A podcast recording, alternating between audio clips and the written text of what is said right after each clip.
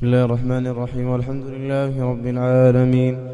الصلاة والسلام على أشرف الأنبياء والمرسلين نبينا محمد عليه أفضل الصلاة وأتم التسليم. أما بعد اللهم اغفر لنا ولشيخنا ولوالدينا والحاضرين برحمتك يا أرحم الراحمين. قال المصنف رحمه الله تعالى باب ما جاء في النشرة. عن جابر رضي الله عنه أن النبي صلى الله عليه وسلم سئل عن النشرة فقال هي من, عم هي من عمل الشيطان. رواه أحمد بسند جيد وأبو داود وقال سئل أحمد عنها فقال ابن مسعود يكره هذا كله. وفي البخاري عن قتادة قلت لابن المسيب رجل به طب أو يؤخذ عن امرأته. يؤخذ. أو يؤخذ. أحسن الله إليكم. رجل به طب أو يؤخذ عن امرأته أيحل, أيحل, أيحل عنه أو ينشر؟ أو ينشر. أحسن الله إليكم. أيحل عنه أو ينشر؟ قال لا بأس به إنما يريدون به الإصلاح فأما ما ي... فأما ما ينتفع فلم ينه عنه. فأما ينتفع. فأما ما ينفع. فأما ما ينفع فلم ينه عنه انتهى كلامه. وروي عن الحسن أنه قال لا يح لا لا يحل لا يحل السحر إلا ساحر. يحل السحر. الله عليكم. وروي عن الحسن أنه قال لا يح لا يحل السحر إلا ساحر. قال ابن القيم النشرة حل السحر عن المسحور وهي نوعان. حل بسحر مثله وهو الذي من عمل الشيطان وعليه يحمل قول الحسن فيتقرب الناشر والمنتشر إلى الشيطان بما يحب فيبطل عمله عن المسحور. والثاني النشرة بالرقية والتعوذات والأدوية والدعوات المباحة فهذا جائز. الحمد لله وصلى الله وسلم على رسول الله وعلى آله وصحبه أجمعين. بعد أن ذكر السحر ذكر علاجه وهو النشرة. ذكر في المقدمة النصوص ثم ذكر فقه هذه النصوص. ذكر حديث جابر أن رسول الله صلى الله عليه وسلم سئل عن النشرة فقال هي من عمل الشيطان. وهذا يدل على أن النشرة منها ما هو محرم والدليل على تحريمها أن النبي صلى الله عليه وسلم جعلها من عمل الشيطان ومعلوم أن الشيء الذي من عمل الشيطان لا يحل. فلأجل ذلك عرفنا أن ثمة نوعا محرما من النشرة التي معناها حل السحر عن المسحور. هذا معنى النشرة أن يحل السحر عن المسحور. فحله تارة يكون محرما ويسمى هذا المحرم من عمل الشيطان. يوصف بأنه من عمل الشيطان. وأحمد سئل عنها فقال ابن مسعود رضي الله عنه يكره هذا كله يكره هذا الفعل القائم على حل السحر بمثله. وهو النوع الأول من أنواع النشرة. ثم ذكر أن ابن المسيب وهو سعيد رحمه الله سئل عن رجل به طب أي سحر أو يؤخذ عن امرأته أي أنه يمنع بسبب السحر عن أن يطأ امرأته فلا يتمكن من وطئها. أي يحل عنه السحر أو ينشر؟ قال لا بأس به. إنما يريدون به الإصلاح فأما ما ينفع فلم ينهى عنه. أخذ بعضهم أن سعيدا رحمه الله يرى أنه يجوز أن يحل السحر بمثله لأن المنهي عنه ما فيه إفساد. أما حل السحر عن المسحور بسحر مثله فهذا فيه إصلاح يترتب عليه أن يسلم هذا الذي سحر. وهذا الفهم ليس بصواب بل المراد وهو الذي يظن بسعيد رحمه الله تعالى أنه لا بأس بالنشرة نفسها. أيحل السحر؟ نعم. أو ينشر التي معناها حل السحر أيضا نعم لا بأس. وهذا سعي في العلاج. وإنما المنهي عنه ما فيه إفساد وهو الذي من عمل الشيطان. وأما ما فيه الإصلاح فإنه لا بأس به. هذا الذي ينبغي أن يحمل عليه. أما الذين قالوا إن حل السحر بسحر مثله من باب الضرورة يجوز بدليل قول سعيد فهذا مما احتجوا به لكن ينبغي أن يعلم أن قول النبي صلى الله عليه وسلم في النشرة التي فيها تقرب الساحر والمسحور بأعمال ترضي الشيطان أن هذا لا يمكن أن يأتي به الشرع كما سيأتي تفصيله إن شاء الله. وعلى هذا ينبغي أن يحمل قول سعيد أنه لا بأس يعني كما لو سألك إنسان به مرض من الأمراض هل اعالج هذا المرض قال نعم لا بأس العلاج لا إشكال فيه. إنما أنت منهي عن أن تستخدم علاجا محرما كأن تستخدم الخمر على سبيل المثال في العلاج. فأما ما فيه منفعة وفيه مصلحة لا بأس به من الأدوية القديمة مسمات بالطب الشعبي أو من الأدوية الحديثة. لا إشكال في هذا نعم يجوز. هذا الذي ينبغي أن يحمل عليه قول سعيد رحمه الله. قول الحسن لا يحل السحر إلا ساحر. هذا في النوع الأول سيأتي في كلام ابن القيم رحمه الله. الذي يحل السحر لا بد أن يكون ساحرا.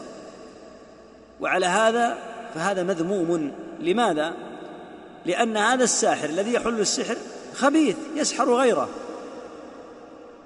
فبناء عليه يحمل هذا على الزجر وبيان أن هؤلاء الذين يزعمون أنهم يحلون السحر بسحر مثله أنهم سحرة فجرة وتقدم أن السحر كفر وأن حد الساحر أن يضرب عنقه بالسيف وألا يترك. فلأجل ذلك لخص لك المسألة ابن القيم رحمه الله تعالى فقال النشرة حل السحر عن المسحور يعني هذا من حيث المعنى. وحل السحر عن المسحور يكون بأحد أمرين الأمر الأول أن يحل السحر بسحر مثله فيكون هذا من باب علاج الداء بداء مثله كمن يريد أن يغسل الدم بدم. فهذا النوع لا شك أنه محرم.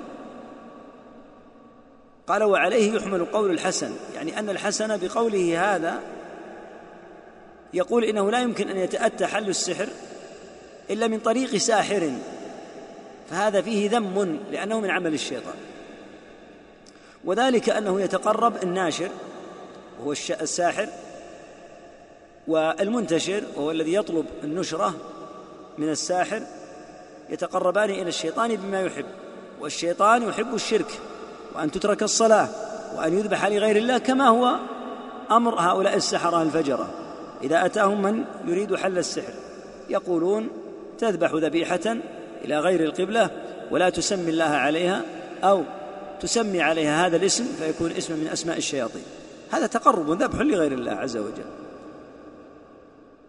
فيتقرب الناشر والمنتشر إلى الشيطان بما يحب فيبطل عمله عن المسحور. يعني لما تقربوا إلى الشيطان فكما أنه مكن الشيطان الأول من السحر يحل السحر الذي أصاب هذا المسحور. بعد أن أشرك الناشر والمنتشر معا. وخرج من الملة بالذبح لغير الله أو ترك الصلاة والتقرب للشيطان فلما فعلوا هذا بالشيطان حل السحر. هذا لا يمكن أن يأتي به الشرع. محال.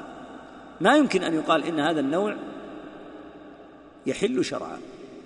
والذين جوزوه لا شك أن قولهم مردود. ولهذا أفتت اللجنة الدائمة لما خرجت فتوى بجواز هذا أفتت اللجنة الدائمة بأن هذا باطل ولا يصح. ثم إذا تأملت المسألة تاملا سليما. علمت أن حكم الساحر شرعا هو القتل وأنه لا يجوز أن يمكن ولا يبقى لحظة. فإذا قلت يجوز حل السحر بسحر مثله ماذا يترتب على هذه الفتوى؟ أتدري أن الذي يترتب على هذه الفتوى أن يبقى سحرة حتى يحل السحر؟ هذا المعنى. المعنى أنه يبقى سحرة ولا يقتلون ولا يقام فيهم حد الله. لماذا؟ حتى يحل السحر عن المسحور. هذا لا يقول به أحد. فلا شك أن الحكم في الساحر هو القتل. وأنه لا يترك حتى لو قال سأتوب إذا قبض عليك كما فصلنا. وبناء عليه إذا قلت إنه يقتل فإنك لا يمكن أن تقول إنه يحل السحر ساحر. لأن قولك إنه يقتل مناقض لقولك يحل السحر ساحر. فكما أنك لا يمكن أن تجوز ترك الساحر فلا يمكن أن تقول يحل السحر ساحر. وهذا هو الصحيح. النوع الثاني من النشرة لما علمنا أن أن النشرة هي حل السحر عن المسحور. هل يحل السحر عن المسحور؟ نعم. بما يحل السحر؟ يحل بهذه الآيات التي لو أنزلت على جبل لرأيته خاشعا متصدعا من خشية الله. وكم خسئ السحرة أعداء الله لعنة الله عليهم. وأعداء الله من الجن وبطل سعيهم بهذه الكلمات التامات. وتأمل قول الله تعالى في خبر موسى عليه الصلاة والسلام. فبطل فوقع الحق وبطل ما كانوا يعملون. فغلبوا هنالك وانقلبوا صاغرين. والكلمات العظيمة كلمات الله التامات التي لا يغادرهن بر ولا فاجر ولا جن ولا إنس هي أعظم ما يحل السحر بإذن الله عز وجل. فيتقرب العبد إلى الله لا إلى الشيطان لأن النوع الأول تقرب إلى الشيطان فيه الكفر والتقرب إلى الله عز وجل بهذا النوع الثاني وحل السحر بهذه الآيات العظيمة تقرب إلى الله ولجوء إلى الله عز وجل. والله تعالى حكيم عليم.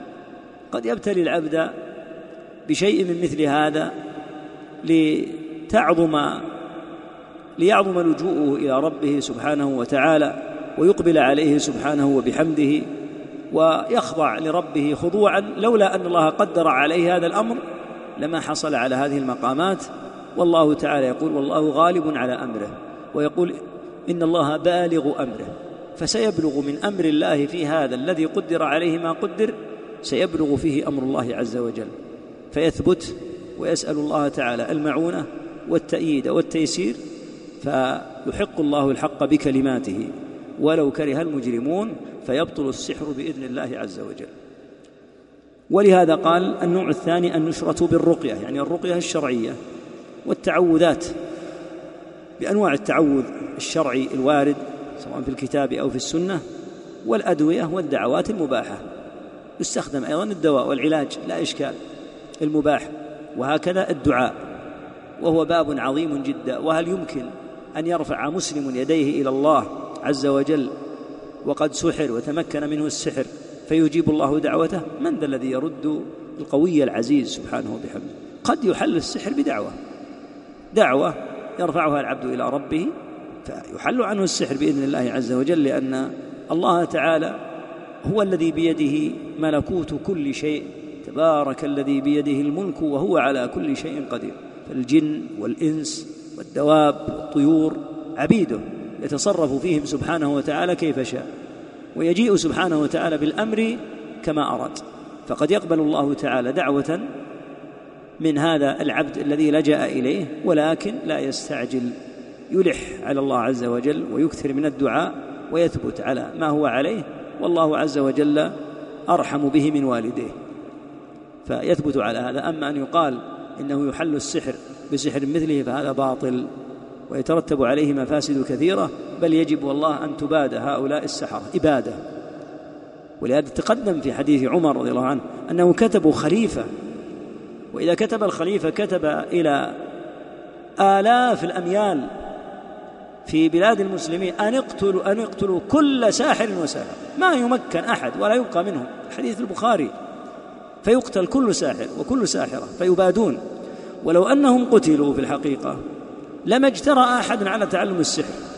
ولهذا إذا شعروا بأنه تقام فيهم الحدود يفرون لا يبقون في المكان. وهذا هو المتعين الواجب وأن لا يراعى فيهم في هذا إلا سيف الله عز وجل على رؤوسهم المسلطة على رؤوسهم الخبيثة بأن تسلط عليهم هذه السيوف. وإذا فعل هذا بهم حقيقة آه، أراح الله تعالى المسلمين من شر كثير فيفر هؤلاء المجرمون إلى بلاد كفر وبلاد فجور يعيشون فيها كما يعيش أهل الفجور وأهل الفساد وأهل الضلال. أما أن يمكنوا في ما بين المسلمين من ذلك فلا يحل هذا. ومن عظيم المنكرات. هذا الحاصل في وسائل الإعلام التي بلغت في الخسة والسوء كل مبلغ وبلغ بهم الحال أن يكونوا دعاية وبوقا لسحرة وأن يقربهم إلى الناس ويعرفوا الناس بهم ويمكنوا الناس من الوصول إليهم. هذا والله نشر للفساد في الأرض وسعي في حرب الله ورسوله. هؤلاء السحرة لا يحل أن يقربوا إلى الناس وأن تعرف عناوينهم وتعرف أماكنهم.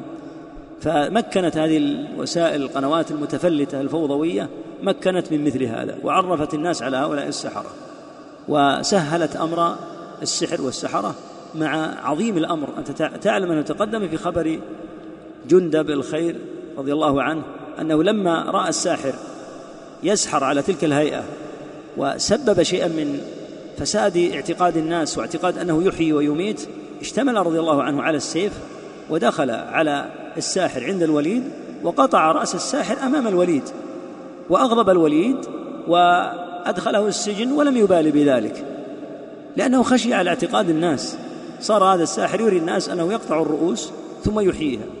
فقال الناس سبحان الله يحيي الموتى فعلم أن هذا سيترتب عليه شر عريض وفساد كبير فتقدم وقتله ولما غضب الوليد قال هو يدعي أنه يحيي الناس ويعيد الرؤوس فليعيد رأسه إن كان صادقا. هذا هو المتعين ولهذا قال أحمد رحمه الله صح عن ثلاثة من أصحاب النبي صلى الله عليه وسلم عن جندب وعن عمر وعن حفصة.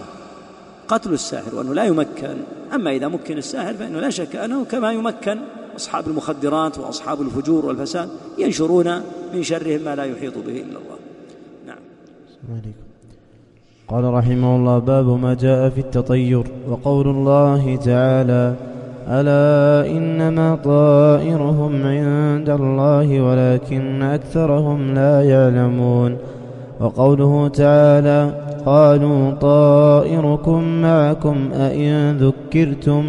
بل أنتم قوم مسرفون وعن أبي هريرة رضي الله عنه أن رسول الله صلى الله عليه وسلم قال لا عدوى ولا طيرة ولا هامة ولا صفر زاد مسلم ولا نوء ولا غول. ولهما عن أنس رضي الله عنه قال قال رسول الله صلى الله عليه وسلم لا عدوى ولا طيرة ويعجبني الفأل. قالوا وما الفأل؟ قال الكلمة الطيبة. ولأبي داود بسند صحيح عن عروة بن عامر رضي الله عنه قال ذكر ذكرت الطيرة عند رسول الله صلى الله عليه وسلم فقال أحسنها الفأل ولا ترد مسلما فإذا رأى أحدكم ما يكره فليقل اللهم لا يأتي اللهم لا يأتي بالحسنات إلا أنت ولا يدفع السيئات إلا أنت ولا حول ولا قوة إلا بك. وعن ابن مسعود رضي الله عنه مرفوعا الطيرة شرك الطيرة شرك وما منا إلا وما منا إلا ولكن الله يذهبه بالتوكل. رواه أبو داود والترمذي وصححه. وجعل آخره من قول ابن مسعود ولأحمد من حديث ابن عمر من ردته الطيرة عن حاجته فقد أشرك. ولأحمد من حديث ابن عمر. ابن عمر عندك ولا ابن عمرو ابن عمرو أحسن الله إليكم. ولأحمد, ولأحمد من حديث ابن عمرو. من ردته الطيرة عن حاجته فقد أشرك قالوا فما كفارة ذلك؟ قال أن يقول اللهم لا خير إلا خيرك ولا طير إلا طيرك ولا إله غيرك. وله من حديث الفضل بن عباس إنما الطيرة ما أمضاك أو ردك.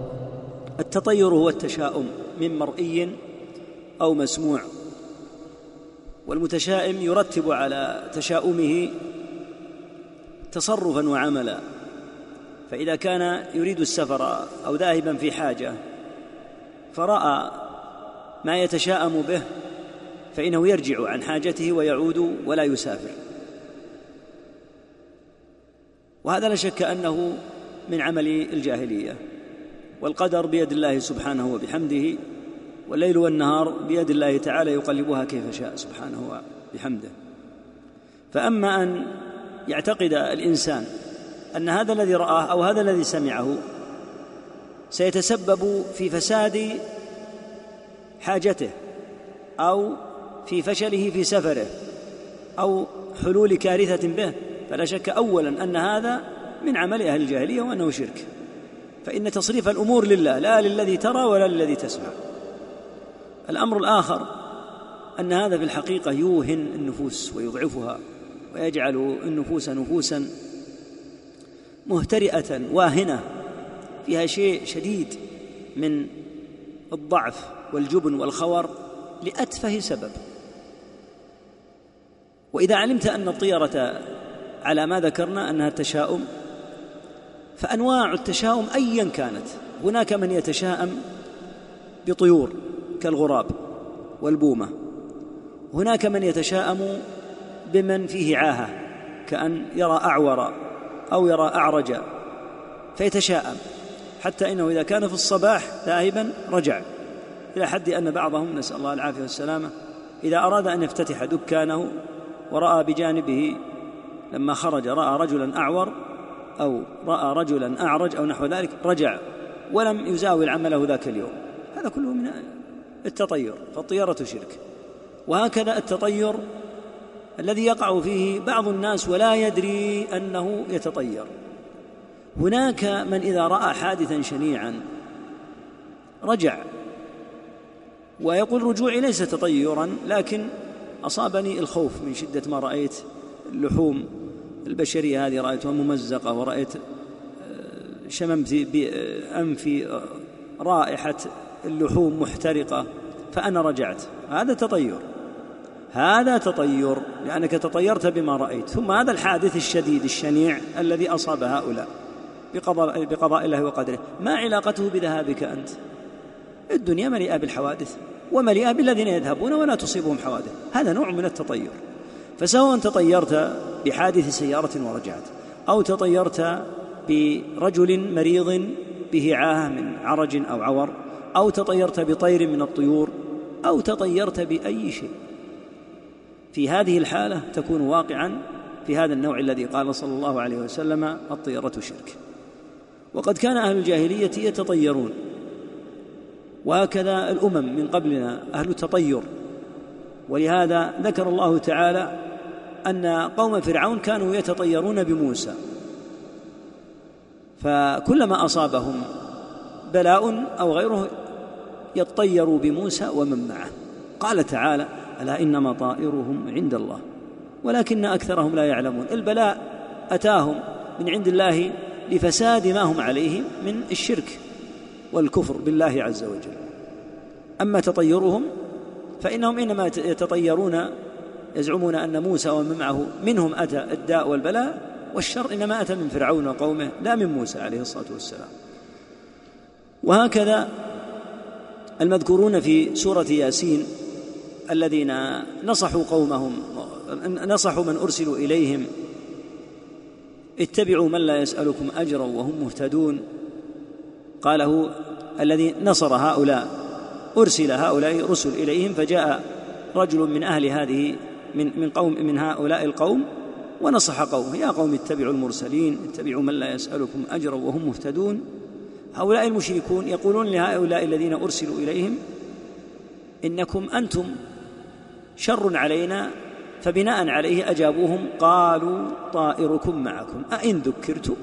ما ذكرناكم بالله تطيرتم بنا بل أنتم قوم مسرفون فدل على أن هذا التطير في أصله من أعمال الكفار والمشركين يجب أن يتنزه عنه المسلم.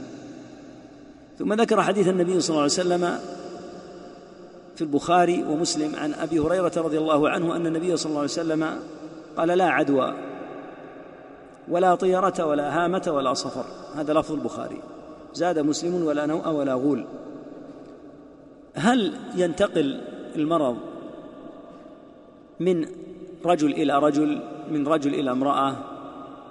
من دابة إلى إنسان من حيث الانتقال نعم. إذا ما معنى قوله صلى الله عليه وسلم لا عدوى؟ لا عدوى على ما كان يعتقده أهل الجاهلية. فإنهم كانوا يعتقدون أن المرض ينتقل بطبعه. ولهذا من آيات الله البالغة أن البلد يصيبه داء في عرف الأطباء يسمى معدي. ثم يهلك من هذا المرض أعداد غفيرة جدا من الناس ولكن يبقى أعداد أكثر منهم مع أنهم جميعا مختلطون. وهذا ليري الله العباد أن انتقال المرض لا يمكن أن يكون إلا بقدره. وهذا أمر واضح حتى إنه في البيت الواحد يصاب الناس بهذا المرض يصاب بعضهم دون بعض. وقد كان الجدري في العالم وقد أهلك ولله العزة والجبروت سبحانه وتعالى أهلك الجدري بإذن الله عز وجل مئات الملايين. حتى ذكروا أنه في قرن واحد أهلك مئات الملايين بالجدري بإذن الله عز وجل. هذا الجدري يدخل بلدا فيصيب أهل البلد ربما مات أهل بيت كامل وربما عمي بعضهم ومات بعضهم. ومع ذلك في البيت الواحد يموت من الجدري أناس ويبقى في نفس البيت أناس مخالطون لهم يمرضونهم حتى ينقلوهم إلى قبورهم ويدفنوهم ولا يصيبهم شيء لأن العدوى لا تنتقل إلا بإذن الله ومن لم يأته قدره وينتهي أجله لا يمكن أن يموت مهما انتشر من طاعون أو جدري أو غيره.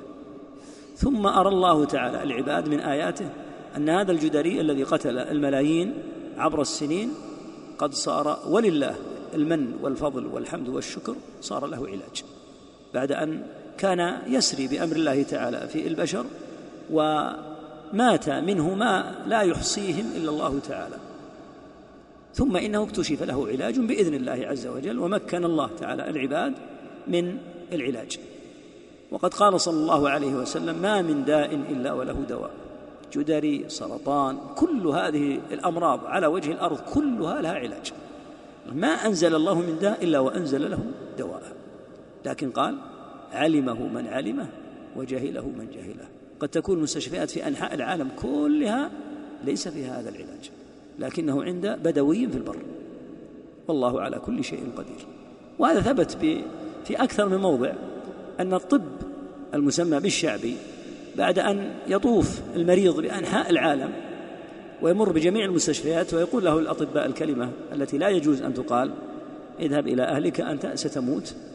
يشفى بإذن الله إما برقية شرعية أو بعلاج من العلاجات المسماة بالعلاجات الشعبية.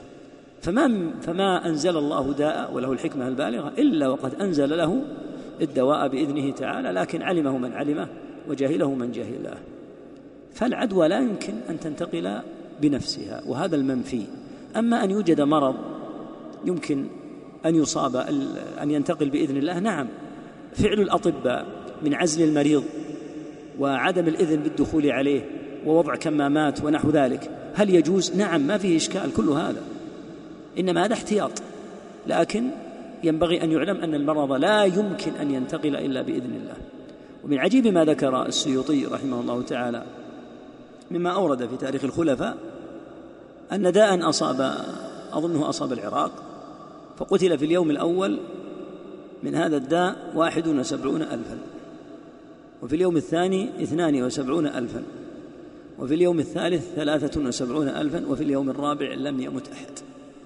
لأنه لا يمكن أن يعدي إلا بإذن لا يمكن ينتقل إلا بإذن الله عز وجل فالحاصل أن هذا هو المراد بقوله لا عدوى. ثم قال ولا طيرة. أصل الطيرة أن الناس كانوا يتطيرون ولأجل ذلك سميت بالطيرة من جهة الطيور. فإذا رأى الحمامة مثلا في عشه ماذا يفعل؟ يأتي ويطيره. يتعمد أن يثير هذا الحمام فيطير الحمام. فإن ذهب عن يمينه قال هذا سفر ميمون من جهة أنه يمين. وإن ذهب عن شماله قال هذا سفر مشؤوم ورجع وترك سفره. فلأجل ذلك سميت بالتطير لكثرة ما كانوا يفعلون هذا من جهة الطيور. وهكذا أيضا الظباء إذا مر الظبي عن يمينه تفاءل ومضى في حاجته وإن مر عن شماله قال هذا سفر مشؤوم. وظن أن مرور الطير أو الظبي أو غيره عن شماله يستدعي أن يرجع من سفره. وهذا كله من الشرك. كل هذا من الشرك. لأجل ذلك قال ولا هامة الهامة قيل إن المراد بها أن أهل الجاهلية كانوا يقولون إن الذي يقتل إذا لم يؤخذ بثأره فإن ثمة طيرا من خرافاتهم قطعا. يأتي ويمكث أربعين يوما. يعني كالذي يريد أن يؤخذ بثأر هذا الميت ولها يقول الشاعر يا عمرو إلا تدع شتمي ومنقصتي. أضربك حتى تقول الهامة اسقوني يعني سأقتلك ثم تقول هامة بعدما أقتلك. انتقموا من هذا الذي قتل قاتلكم. فهذا كله من الخرافات ومن الكلام الفارغ. قال ولا صفر.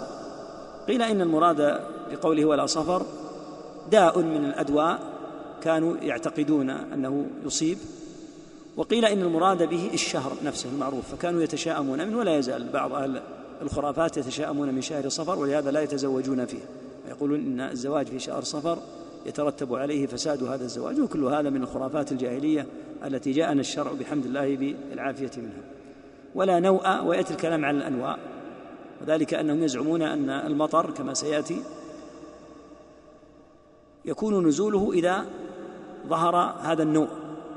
ناء يعني النجم إذا طلع في جهة فإنه يكون في حال كما سيأتينا إن شاء الله تعالى. النجوم لها حساب بإذن الله عز وجل المنازل كل منزلة ثلاثة عشر يوما. فإذا غاب هذا ناء هذا يعني نهض هذا. فيربطون المطر بالنوء. فيقول صدق نوء كذا لما خرج وتم الحساب نزل المطر. فيربطونه به فقال ولا نوء إنما المطر من عند الله عز وجل. ولا غول. قيل إن الغول سعالي الجن. وقيل إنها تتهيأ للإنسان في البرية من الجن وتطلب وتتسبب في أن في أن يتبعها فإذا تبعها هلك في البرية وترتب عليه أن يهلك جوعا أو عطشا أو نحو ذلك. وقال بعضهم إن ذلك ليس نفيا لأصل الغول لأن هناك غيلانا ولكن ليس على الاعتقاد الذي تعتقده الجاهلية. ثم ذكر حديث أنس رضي الله عنه أيضا لا عدوى ولا طيرة ويعجبني الفأل. قالوا وما الفأل؟ قال الكلمة الطيبة يعني أن الشرع نهى عن الطيرة لما فيها من سوء الظن بالله. رجل خرج يريد سفرا خرج لعمل خرج لتجارة. فلما رأى هذا الأعور قال هذا سيترتب عليه إن ذهبت في سفري أو في حاجتي سيترتب عليه فساد حاجتي هذه هذا سوء ظن بالله عز وجل ولهذا نهي عن الطيرة لما فيها من سوء الظن. أما الفأل ففيه حسن ظن بالله فكان مما يحب. ومثال الفأل أن يمضي الإنسان في حاجته فيسمع رجلا ينادي آخر يقول له يا سالم فيرجو السلامة. حسن ظن بالله عز وجل. وهذا عكس الطيرة تماما. الطيرة فيها شيء من سوء الظن بالله. أما الفأل فيقول بإذن الله تعالى هذا مما نتفاءل به أن نسمع. وإن كان هذا ينادي هذا ولا يدريان بحاجته لكنه من باب حسن الظن بالله. وهكذا لو ناداه وقال يا نجيح فيتفاءل النجح في حاجته. كل هذا أمر طيب.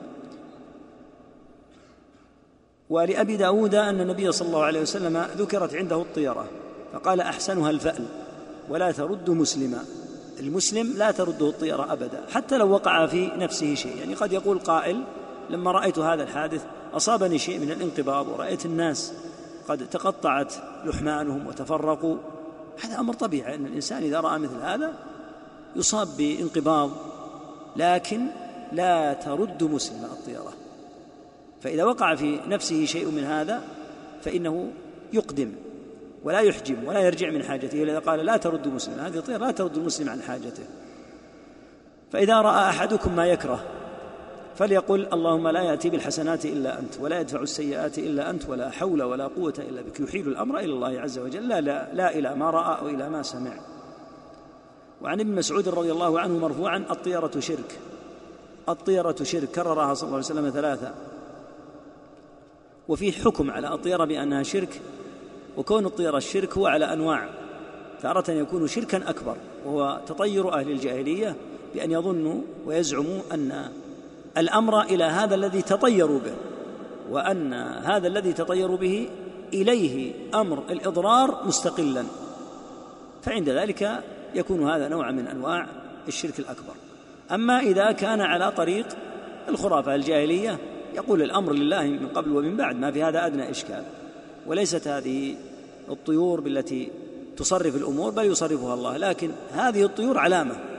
على شر سيصيب من واصل في سفره أو في حاجته فيقال هذا ليس من الشرك الأكبر نعم لكنه شرك أصغر. ولهذا قال صلى الله عليه وسلم الطيرة شرك. قوله وما منا إلا هنا حذف. يعني وما منا إلا من يصيبه هذا الأمر ويقع في نفسه وفي خاطره شيء من الخوف من شيء رآه. هل هو من كلام ابن مسعود أو من كلام النبي صلى الله عليه وسلم؟ بعض المحدثين كابن القطان يقول هذا حديث واحد. فالنبي صلى الله عليه وسلم قال الطيرة شرك وقال بنفسه وما منا إلا ولكن الله يذيبه بالتوكل.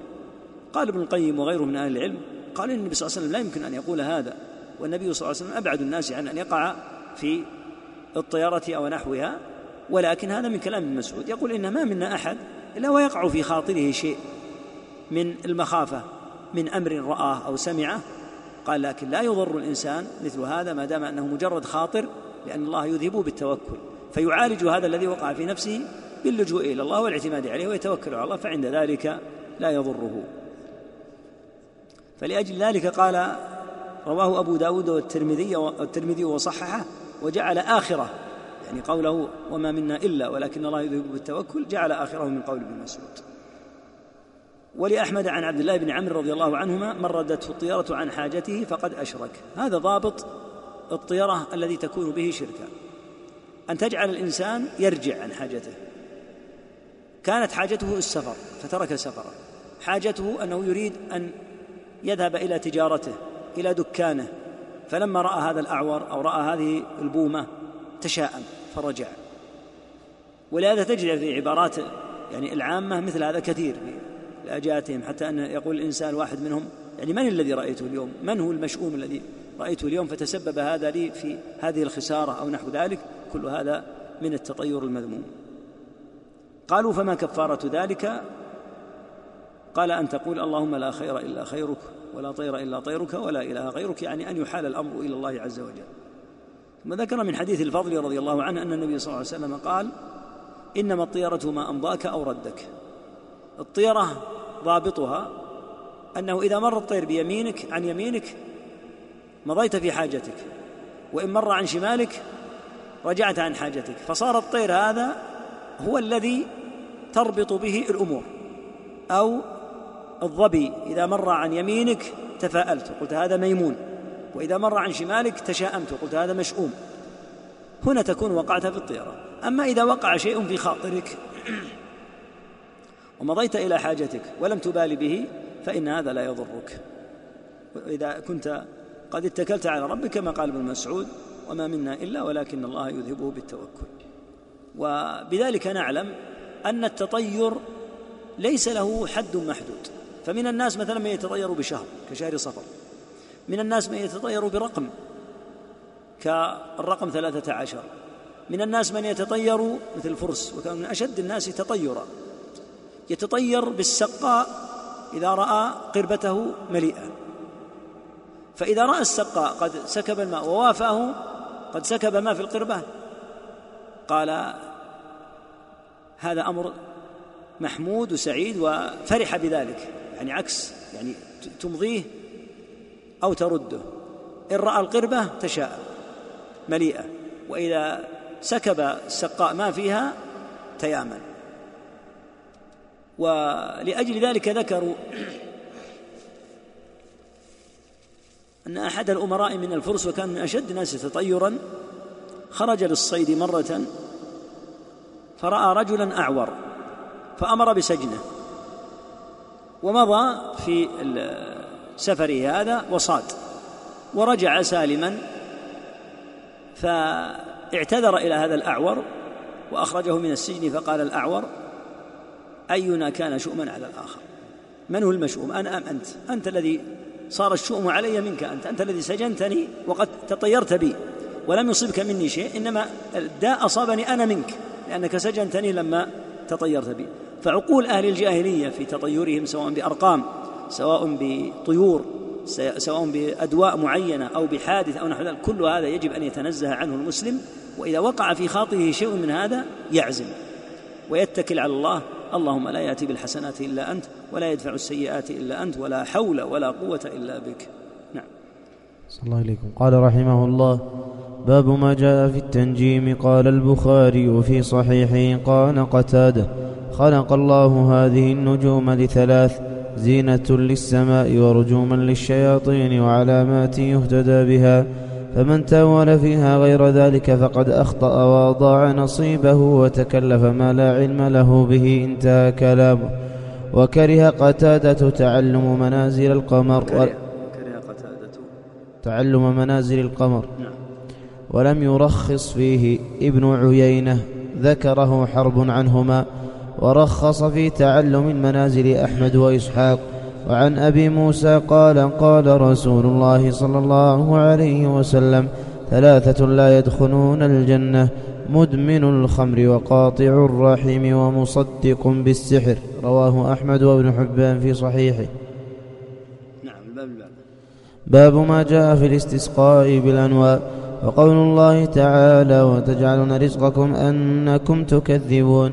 وعن أبي مالك الأشعري رضي الله عنه أن رسول الله صلى الله عليه وسلم قال أربع في أمتي من أمر الجاهلية لا يتركونهن الفخر بالأحساب والطعن في الأنساب والإستسقاء بالنجوم والنياحة على الميت.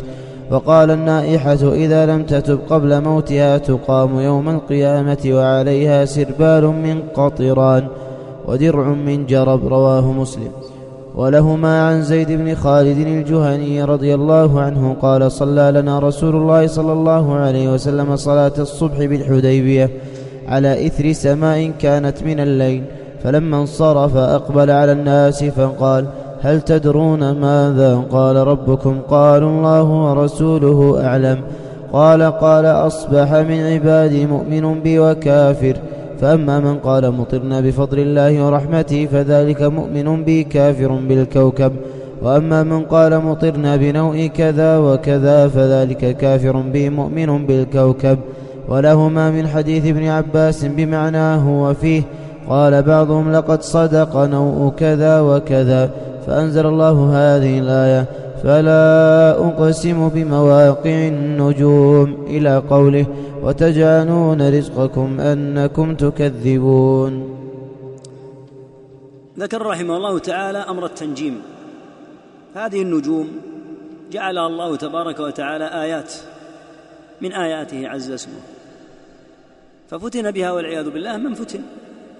وصار يحيل إلى هذه النجوم أمر تصريف الكون. وصاروا يعبدونها كما تقدم. وهم الذين أدركهم إبراهيم عليه الصلاة والسلام ولهذا قال تعالى فلما جن عليه الليل رأى كوكبا قال هذا ربي. فلما أفل قال لا أحب الآفلين. حتى يبين لهم أن هذه الكواكب والشمس والقمر هي مسخرة مدبرة من عند الله عز وجل فلأجل ذلك تأفل وتغيب ويصرفها الله عز وجل. وأنها ليس لها أنه ليس إليه شيء من تصريف الكون بل هي مصرفة في هذا الكون بتصريف الله عز وجل. ففتن بالنجوم هذه من فتن. فيأتي إن شاء الله تعالى كلام على أمر تعلم النجوم ومنازلها. بدأ بقول قتادة رحمه الله خلق الله هذه النجوم لثلاث زينة للسماء. نص الله تعالى على هذا. ورجوما للشياطين ترجم بها بإذن الله عز وجل للشياطين وعلامات يهتدى بها. كما تقدم في الليلة البارحة قلنا إنك إذا علمت على سبيل المثال الموضع الذي فيه المسمات ببنات نعش السبع بإذن الله تعالى في الشمال دائما. إذا عرفت جهة واحدة عرفت بقية الجهات. إذا عرفت أن هذا هو الشمال عرفت أن المقابل له هو الجنوب. فتهتدي في الطريق. لذلك إذا مضوا في البرية وهناك سحب قد يتيهون. فإذا انقشع السحاب ورأوا النجوم علموا أن مسارهم سليم أو غير سليم وعلامات وبالنجم هم يهتدون. يقول هذا الذي خلق الله تعالى النجوم لها. فمن تأول فيها غير ذلك أخطأ وأضاع نصيبه وتكلف ما لا علم له به ولا شك. وقد فتن كثير بأمر هذه النجوم كما هو ملاحظ في ما يسمونه بالأبراج. وأسهم هذا هذه الصحف الفوضوية.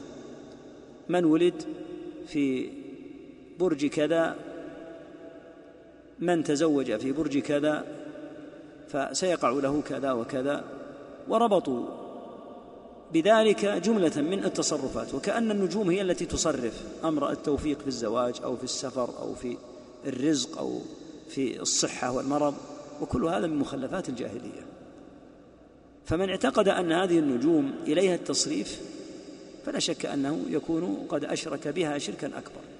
أما إذا زعم أن النجوم ليست التي تصرف ولكن يزعم أنها مجرد علامات فهذا أيضا ضرب من الشرك لكنه لا يصل إلى حد الأكبر. فهذه النجوم ليس إليها شيء من التصريف البتة وإنما هي من ضمن ما يصرف الله سبحانه وتعالى في ملكوته العظيم. ثم تكلم عن تعلم منازل القمر. القمر بأمر الله عز وجل له منازل. والقمر قدرناه منازل حتى عاد كالعرجون القديم وهذا ملاحظ أنه يبدو في أول الشهر دقيقا صغيرا لا يراه إلا أصحاب النظر الحاد ثم يبدأ في الوضوح في الليلة الثانية وحتى يصل في منتصف الشهر إلى أن يكون بدرا مضيئا منيرا ثم يعود إلى الضعف في آخر الشهر حتى عاد كالعرجون القديم. منازل القمر هل يصح تعلمها؟ مجرد أن يتعلم هذا الأمر القدري الكوني من الله الذي ينزل القمر بإذنه تعالى منازل معينة. يقول منع منه بعض أهل العلم. ولذلك قال كرهه قتاده ولم يرخص فيه ابن عيينة. أما أحمد وإسحاق بن راهوية رحمهم الله رحم الله الجميع فإنهم رخصوا فيه قال لا بأس مجرد أن تتعلم المنازل ما فيها إشكال. كل إنسان يعرف مواضع النجوم ويعلم أن هذه النجوم تظهر في الموضع الفلاني وهكذا. نجم سهيل سيخرج بعد مدة كذا وإذا خرج بإذن الله عز وجل والتصريف لله تعالى. فالعادة أن الجو يكون من بعده كذا هذا لا إشكال فيه لأنك لا تربط هذه الأمور بنفس النجوم. وإنما تقول أجرى الله العادة. أجرى الله العادة أنه إذا ظهر هذا النجم وهكذا ما يتعلق بما يعرف بالوسم بأنه بإذن الله عز وجل إذا نزل المطر في فترة ما يسمى بالوسم هذا فإنه بإذن الله يكون النبات عادة والعشب أطيب له في الأرض وإن كان المرد في ذلك كله لله. فقد يكثر المطر ويكون في الأوقات التي يفرح بها الناس ولكن لا يمكن أن تنبت الأرض إلا بإذن الله ولهذا قال صلى الله عليه وسلم ليس الجدب أن تمطروا ولكن الجدب أن تمطروا ثم لا تنبتوا الأرض. فالأمر لله في الإنبات وفي ما يتعلق بالمطر ونحوه لكن أجرى الله العادة بذلك. أما أن يكون المرد إلى النجوم أو إلى الوسم أو غيره لا. إنما يقال هذا الذي جعل الله تعالى الكون عليه. كما أنه تعالى جعل الصيف حارا الشتاء باردا فكذلك الحال يقول هذا ليس راجعا إلى الشمس نفسها لكن الله صرف الشمس تكون هكذا.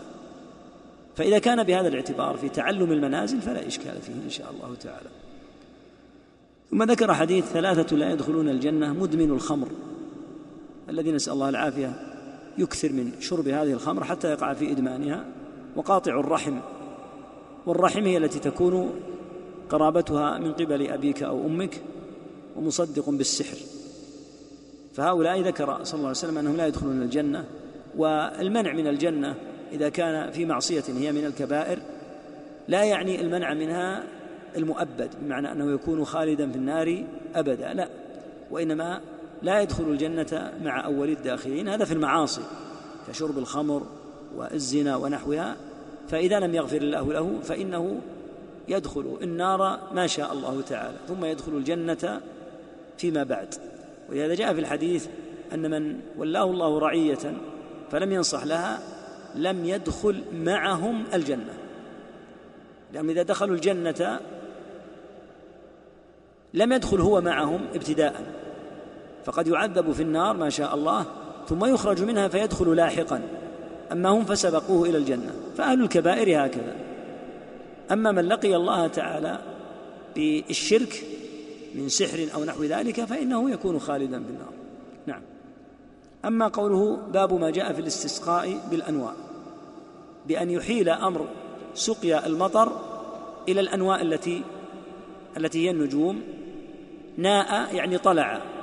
فهذه بإذن الله عز وجل عدة منازل ينوء هذا النجم ويطلع ويغيب ذاك النجم.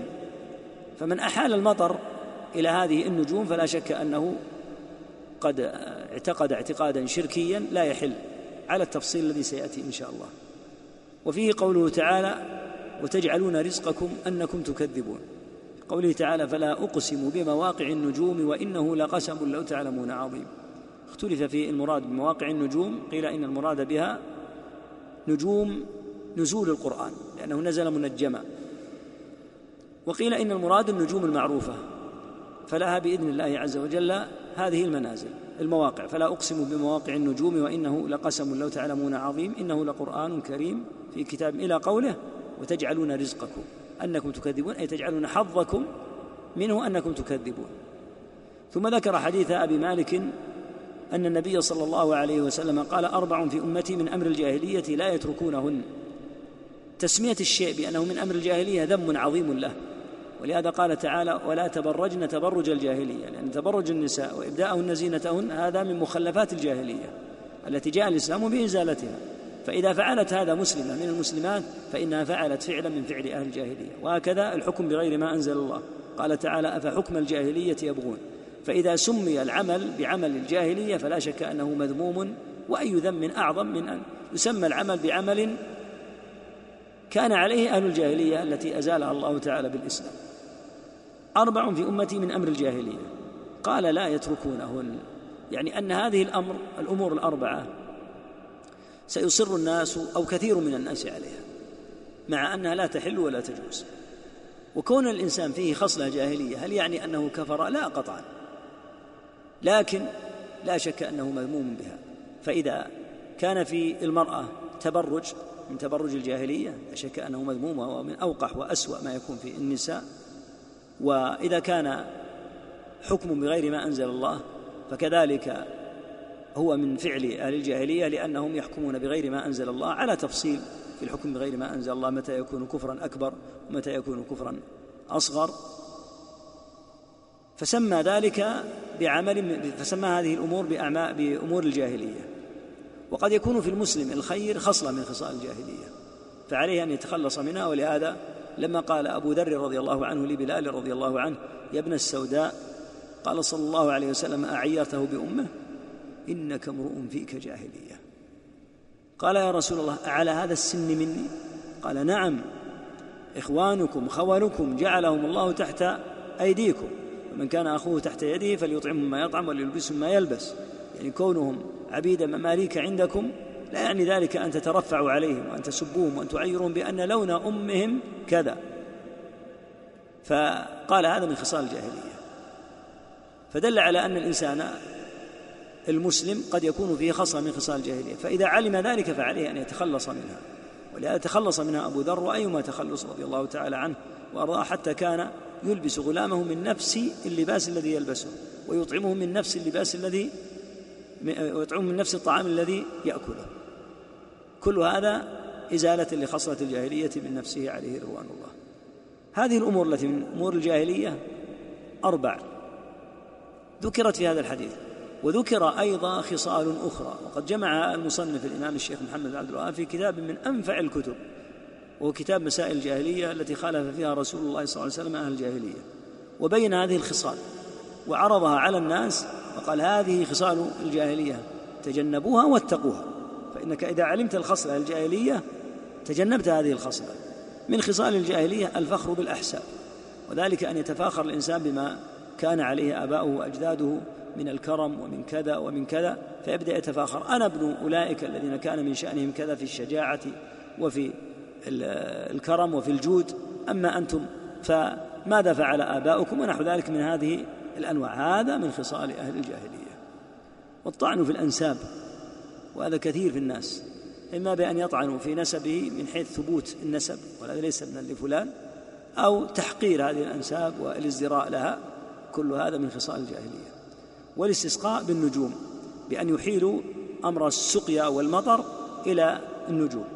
والنياحة والنياحة هي إظهار للجزع وإعلان له إذا مات الميت ولها أحوال تكون برفع الصوت لا بمجرد البكاء وإنما برفع الصوت بندب الميت وأنه كان يطعم وأنه كان يكسي وأنه كان كذا وأنه كان كذا.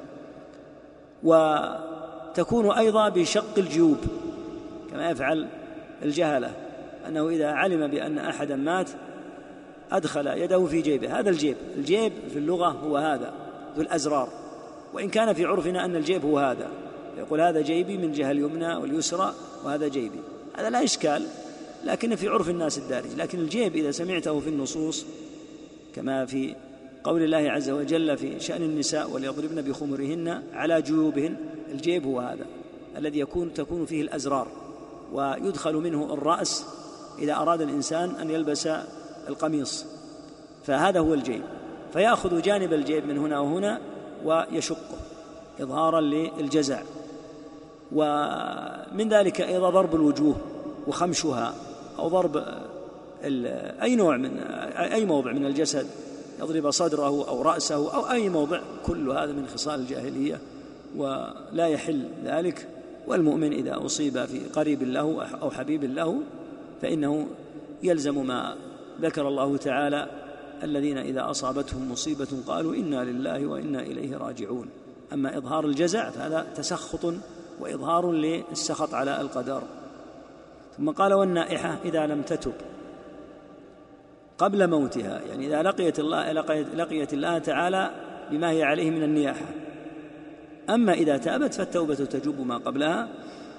إذا لم تتب قبل موتها تقام يوم القيامة وعليها سربال من قطران ودرع من جرب. يعني نسأل الله العافية حتى تشتد حتى يشتد احتراقها من النار نسأل الله السلامة والعافية. ولهما أي للبخاري ومسلم عن زيد بن خالد رضي الله عنه قال صلى لنا أي صلى بنا رسول الله صلى الله عليه وسلم بالحديبية على إثر سماء يعني على أثر مطر نزل فلما انصرف أقبل على الناس وقال هل تدرون ماذا قال ربكم؟ ثم أخبرهم أن الله قال أصبح من عبادي مؤمن بي وكافر. فأما من قال مطرنا بفضل الله ورحمته فذاك مؤمن بي فذلك مؤمن بي كافر بالكوكب. وأما من قال مطرنا بنوء كذا فذلك كافر بي مؤمن بالكوكب. فيشرع إذا جاء المطر أن يحال الأمر فيه إلى الله. قال مطرنا بفضل الله ورحمته. فهذا هو الإيمان. أما إذا أحيل الأمر قال هذا المطر نزل لأن النوء بدأ اليوم. وانتهى النوء السابق بالأمس واليوم بدأ النوء الجديد فجاء المطر فهو الآن يحيل النوء المطر إلى النوء فهذا كفر. والكفر هنا قطعا هو الكفر الأصغر. لكن قلنا لو اعتقد أن النوء إليه الأمر من دون الله عز وجل يكون كفرا أكبر. ثم ذكر قول ابن عباس رضي الله عنهما ويقول لهما أي للبخاري من حديث ابن عباس رضي الله عنهما معناه معنى هذا الحديث يعني مرفوعا للنبي صلى الله عليه وسلم. قال بعضهم لقد صدق نوء كذا. يعني لما جاء المطر ووافى مدة النوء الجديد هذا قالوا صدق نوء كذا. وهذا من عجائب الناس سبحان الله العظيم. في العام الماضي هذا النوء ما جاء فيه مطر. ومنذ ستة أعوام قبله ما جاء مطر. ومنذ عشرين عاما قبله ما جاء مطر لكن هذه السنة جاء مطر والعام قبل الماضي جاء مطر. فدل على أن الأمر ليس مربوطا بالأنواع وإنما يجري الله تعالى العادة بنزول المطر متى شاء سبحانه. فقد يأتي الوقت الذي يكون فيه عادة نزول المطر ولا يجري الله المطر لأن لا يمكن أن تنزل قطرة إلا بإذن الله تبارك وتعالى. يقول فأنزل الله هذه الآيات فلا أقسم بمواقع النجوم إلى قوله وتجعلون رزقكم أنكم تكذبون. نعم. الله إليكم قال رحمه الله باب قول الله تعالى ومن الناس من يتخذ من دون الله أندادا يحبونهم كحب الله. وقوله تعالى قل إن كان آباؤكم وأبناؤكم إلى قوله أحب إليكم من الله ورسوله. عن أنس رضي الله عنه أن رسول الله صلى الله عليه وسلم قال لا يؤمن أحدكم حتى يكون أحب إليه من ولده ووالده والناس أجمعين. أخرجه ولهما عنه قال قال رسول الله صلى الله عليه وسلم ثلاث من كن فيه وجد بهن حلاوة الإيمان أن يكون الله ورسوله أحب إليه مما سواهما وأن يحب المرء لا يحبه إلا لله وأن يكره أن يعود في الكفر بعد إذ أنقذه الله منه كما يكره أن يلقى في النار. الحديث وعن ابن عباس رضي الله عنهما قال من أحب في الله وأبغض في الله ووالى في الله وعادى في الله فإنما تنال ولاية الله بذلك ولن يجد عبد طعم الإيمان وإن كثرت صلاته وصومه حتى يكون كذلك وقد صارت عامة مؤاخاة الناس على أمر الدنيا وذلك لا يجدي على أهله شيئا رواه ابن جرير وقال ابن عباس في قوله وتقطعت بهم الأسباب قال المودة. يقول رحمه الله تعالى باب قول الله تعالى ومن الناس من يتخذ من دون الله أندادا يحبونهم كحب الله. أيضا ترجم بالآية على أمر محبة الله تبارك وتعالى. ومحبة الله تبارك وتعالى يجب أن تكون في قلب المؤمن أعظم من محبة أي شيء. فيحب الله تعالى محبة أعظم من نفسه ومن ماله ومن ولده ومن الناس أجمعين بحيث لا يكون مقدما على حب الله تعالى أي شيء. هذا واجب وجوبا من لم يتحقق هذا فإنه يأثم. والمحبة على نوعين محبة الله. أصل محبة الله. هذه موجودة. في نفس كل مسلم مهما كان عنده من المعاصي حتى لو كان قاطعا للطريق عاقا لوالديه شاربا للخمر معاقرا للفواحش فإنه يكون أصل حب الله في قلبه. لماذا؟ لو لم يوجد أصل الحب لكان كافرا. لا يوجد مسلم لا يحب الله. مستحيل هذا الأمر استحالة تامة. لكن يكون عنده مقدار من محبة الله ضعيف. ولهذا لما أتي للنبي صلى الله عليه وسلم برجل شرب الخمر فجلده عليه الصلاة والسلام فلعنه رجل وقال لعنة الله عليه ما أكثر ما يؤتى به إلى رسول الله صلى الله عليه وسلم فقال لا تلعنه إنه ما علمت يحب الله ورسوله مع أنه صاحب خمر فمحبة الله عز وجل ومحبة رسوله هذه في نفس كل مسلم ولا يمكن أن يوجد مسلم لا يحب الله أو لا يحب رسول الله. ومن قال إني لا أحب الله أو لا أحب رسول الله صلى الله عليه وسلم فليس بمسلم أصلا. يعني إذا قال ليس في قلبي أصلا محبة لله وليس في قلبي محبة لرسوله صلى الله عليه وسلم قال هذا ليس بمسلم أصلا. لا يوجد مسلم إلا ويحب الله ورسوله. أصل المحبة. ما الذي يتفاوت الناس فيه؟ يتفاوتون في هذا الكمال العظيم أن يكون الله ورسوله أحب إليه مما سواهما. وهذه الدرجة واجبة.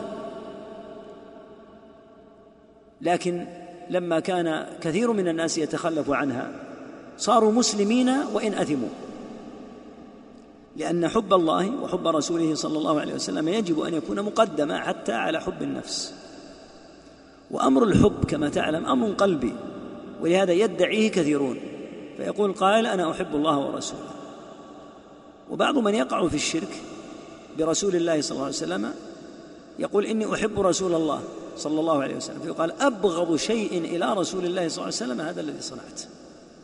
وأبغض شيء إلى رسول الله صلى الله عليه وسلم الشرك والمشركون. وأنت الآن تزعم حب رسول الله صلى الله عليه وسلم ثم تفعل أشد ما يبغض. فهذه المحبة محبة مدعاة زائفة. إنما المحبة الحقيقية في اتباعه التي يترتب عليها اتباعه صلى الله عليه وسلم. لأجل ذلك قال ومن أورد قوله تعالى ومن الناس من يتخذ من دون الله أندادا يحبونهم كحب الله. هذا حب الكفار. حتى الكفار يحبون الله لكنهم يحبون الله عز وجل محبة شركية يحبون الله ويحبون أندادهم. قال والذين آمنوا أشد حبا لله. لماذا؟ لأنهم يحبون الله محبة خالصة. ثم أورد قوله تعالى قل إن كان آباؤكم وأبناؤكم وإخوانكم وأزواجكم وعشيرتكم وأموال اقترفتموها وتجارة تخشون كسادها ومساكن ترضونها أحب إليكم من الله ورسوله وجهاد في سبيله فتربصوا حتى يأتي الله بأمره وختم الآية بقوله والله لا يهدي القوم الفاسقين. دل على أن هذا فسق وأن من أحب آباءه أو أبناءه أو عشيرته أو التجارة أو المساكن هذه أكثر من حب الله ورسوله فإنه يفسق. لكن أصل حب الله في قلبه. ولكن مال إلى هذه المحبوبات عنده أكثر من حب الله فيكون بذلك مسلما. لأنه لو لم يوجد, لو لم يوجد عنده أصل الحب قلنا أنه لا يكون مسلما. لكن قدم هذه على هواه. محبة الدليل الحقيقي عليها هو الاتباع. قال تعالى قل إن كنتم تحبون الله فاتبعوني. فمن كان يتثاقل عن الصلاة ويقدم هواه في النظر إلى ما حرم الله واستماع ما حرم الله وأكل ما حرم الله مع علمه بأن هذا محرم ويقول إني أحب الله ورسوله هذه محبة مدعى المحبة الحقيقية لها برهان. هو الوارد في قوله تعالى قل إن كنتم تحبون الله فاتبعوني. فإن كنت, فإن كنت محبا لله حقا ومحبا لرسول الله صلى الله عليه وسلم حقا فاتبع رسول الله صلى الله عليه وسلم. أما مجرد المحبة المدعاة هذه يستطيع أن يدعيها كل أحد. ثم ذكر حديث النبي صلى الله عليه وسلم في الصحيحين لا يؤمن أحدكم حتى أكون أحب إليه من ولده ذكرا كان أو أنثى ووالده من أمه وأبيه والناس أجمعين. فلا يؤمن الإيمان الكامل هذا المعنى. وليس المعنى أنه لا يكون مؤمنا بل يكون كافرا لا. ولهذا في الحديث الذي بعده ثلاث من كن فيه وجد حلاوة الإيمان. حلاوة الإيمان درجة عليا من الإيمان. أن يكون الله ورسوله أحب إليه مما سواهما. قوله مما سواهما يدخل فيه حتى النفس. بأن تحب الله أكثر من حبك لنفسك. وأن تحب الرسول صلى الله عليه وسلم أكثر من حبك لنفسك. ولهذا في البخاري أن النبي صلى الله عليه وسلم قال لا يؤمن أحدكم حتى أكون أحب إليه من نفسه. فقال عمر رضي الله عنه يا رسول الله لأنت أحب إلي من كل شيء إلا من نفسي. فقال لا يا عمر. فقال يا رسول الله لأنت الآن أحب إلي؟ لأنت الآن أحب إلي من نفسي؟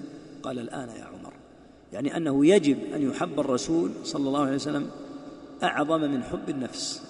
وهكذا حب الله عز وجل قطعا من باب أولى لأن حب الله هو الأصل. حب الله هو الأصل ولأجل حب الله يحب الرسل عليهم الصلاة والسلام ويحب الصالحون ويحب أهل الإسلام كما سيأتي في الحديث بعده. فحب الله هو الأصل وكل محبة محمودة شرعا فإنها تعود إلى حب الله عز وجل كحب الرسل والأنبياء والصالحين وحب الملائكة أيضا كل هذا يعود إلى حب الله فالأصل حب الله عز وجل. الحديث الذي بعده ثلاث من كن فيه وجد حلاوة الإيمان.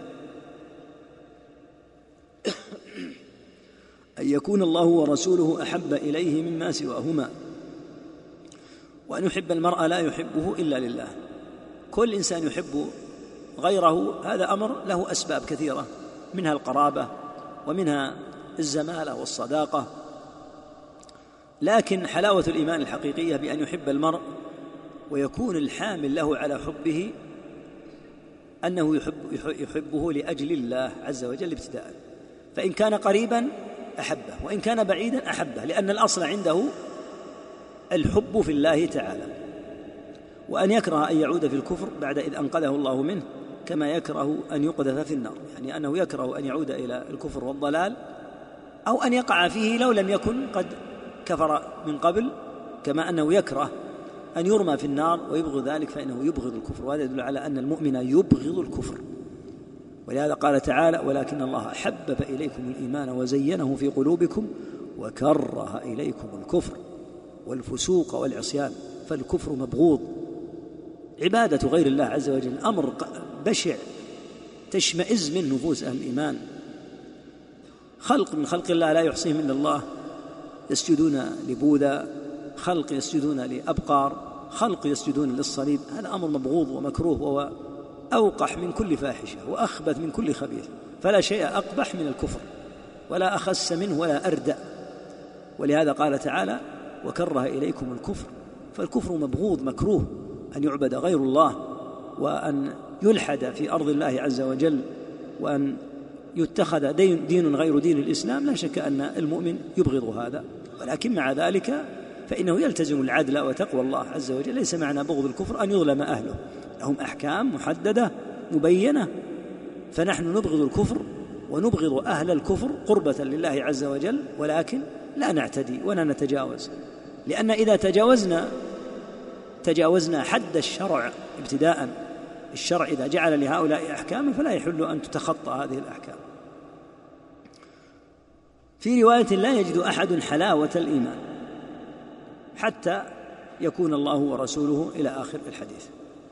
ثم ذكر قول ابن عباس رضي الله عنهما من أحب في الله وأبغض في الله. يعني أن الحامل له على الحب أنه أحب لأجل الله وأبغض لأجل الله ووالى في الله الموالاة والنصرة والميل إلى هذا الرجل لأجل الله وعاد في الله. فإنما تنال ولاية الله بذلك. تنال بهذا الأمر العظيم لأن يكون الحب والبغض لله عز وجل من أجله تبارك وتعالى. ولن يجد عبد طعم الإيمان وإن كثرت صلاته وصيامه وصومه حتى يكون كذلك. طعم الإيمان ودرجة الإيمان العليا لا يجدها أحد حتى لو كان كثير الصوم والصلاة إلا إذا كان يحب لله تعالى. فيحب الناس وإن كانوا لا قرابة له بهم. ويحب هؤلاء الناس وإن كان لا يجد أي نفع مادي منهم لأنهم أطاعوا الله فأحبهم. وإذا أبغض أبغض لأجل الله تعالى. ولأجل ذلك يبغض الذي يعادي الله تعالى وإن كان قريبا وإن كان أبا أو ابنا. قال عز وجل لا تجد قوما يؤمنون بالله واليوم الآخر يوادون من حاد الله ورسوله ولو كانوا آباءهم أو أبناءهم الآية. فأمر الحب والبغض عند المؤمن متزن ليس خاضعا للأهواء.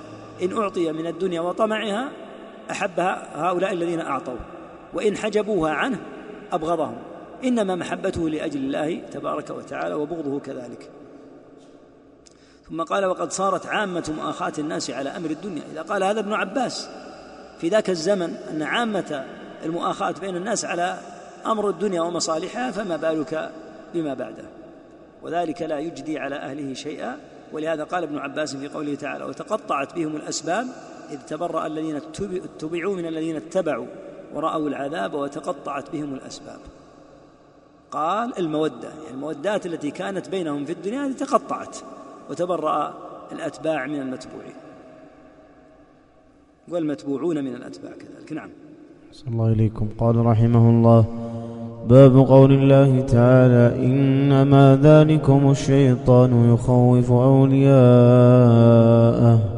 فلا تخافوهم وخافون إن كنتم مؤمنين وقوله تعالى إنما يعمر مساجد الله من آمن بالله واليوم الآخر وأقام الصلاة وآتى الزكاة ولم يخش إلا الله وقوله تعالى ومن الناس من يقول آمنا بالله فإذا أوذي في الله جعل فتنة الناس كعذاب الله وعن أبي سعيد رضي الله عنه مرفوعا إن من ضعف اليقين أن ترضي الناس بسخط الله وأن تحمدهم على رزق الله وأن تذمهم على ما لم يؤتك الله إن, إن, إن رزق الله لا يجره حرص حريص ولا يرده كراهية كاره.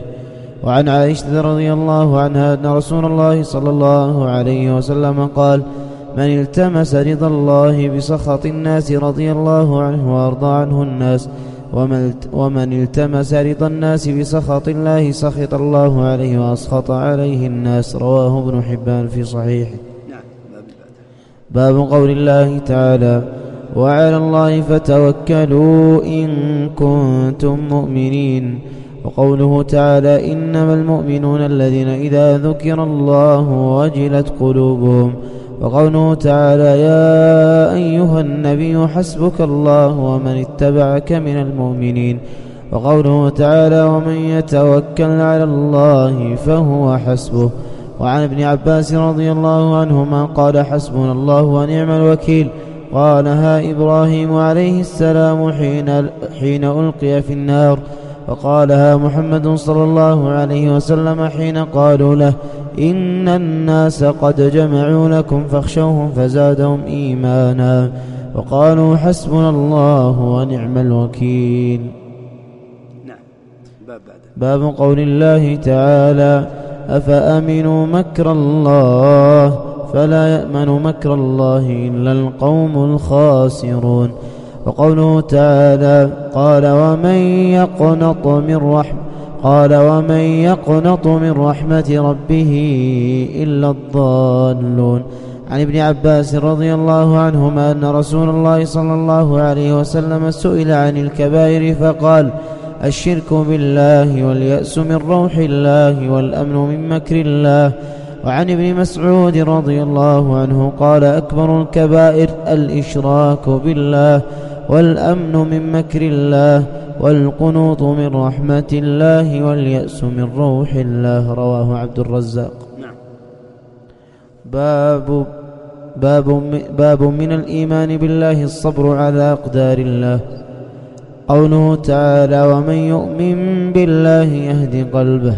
قال علقمة هو الرجل تصيبه المصيبة فيعلم أنها من عند الله فيرضى ويسلم.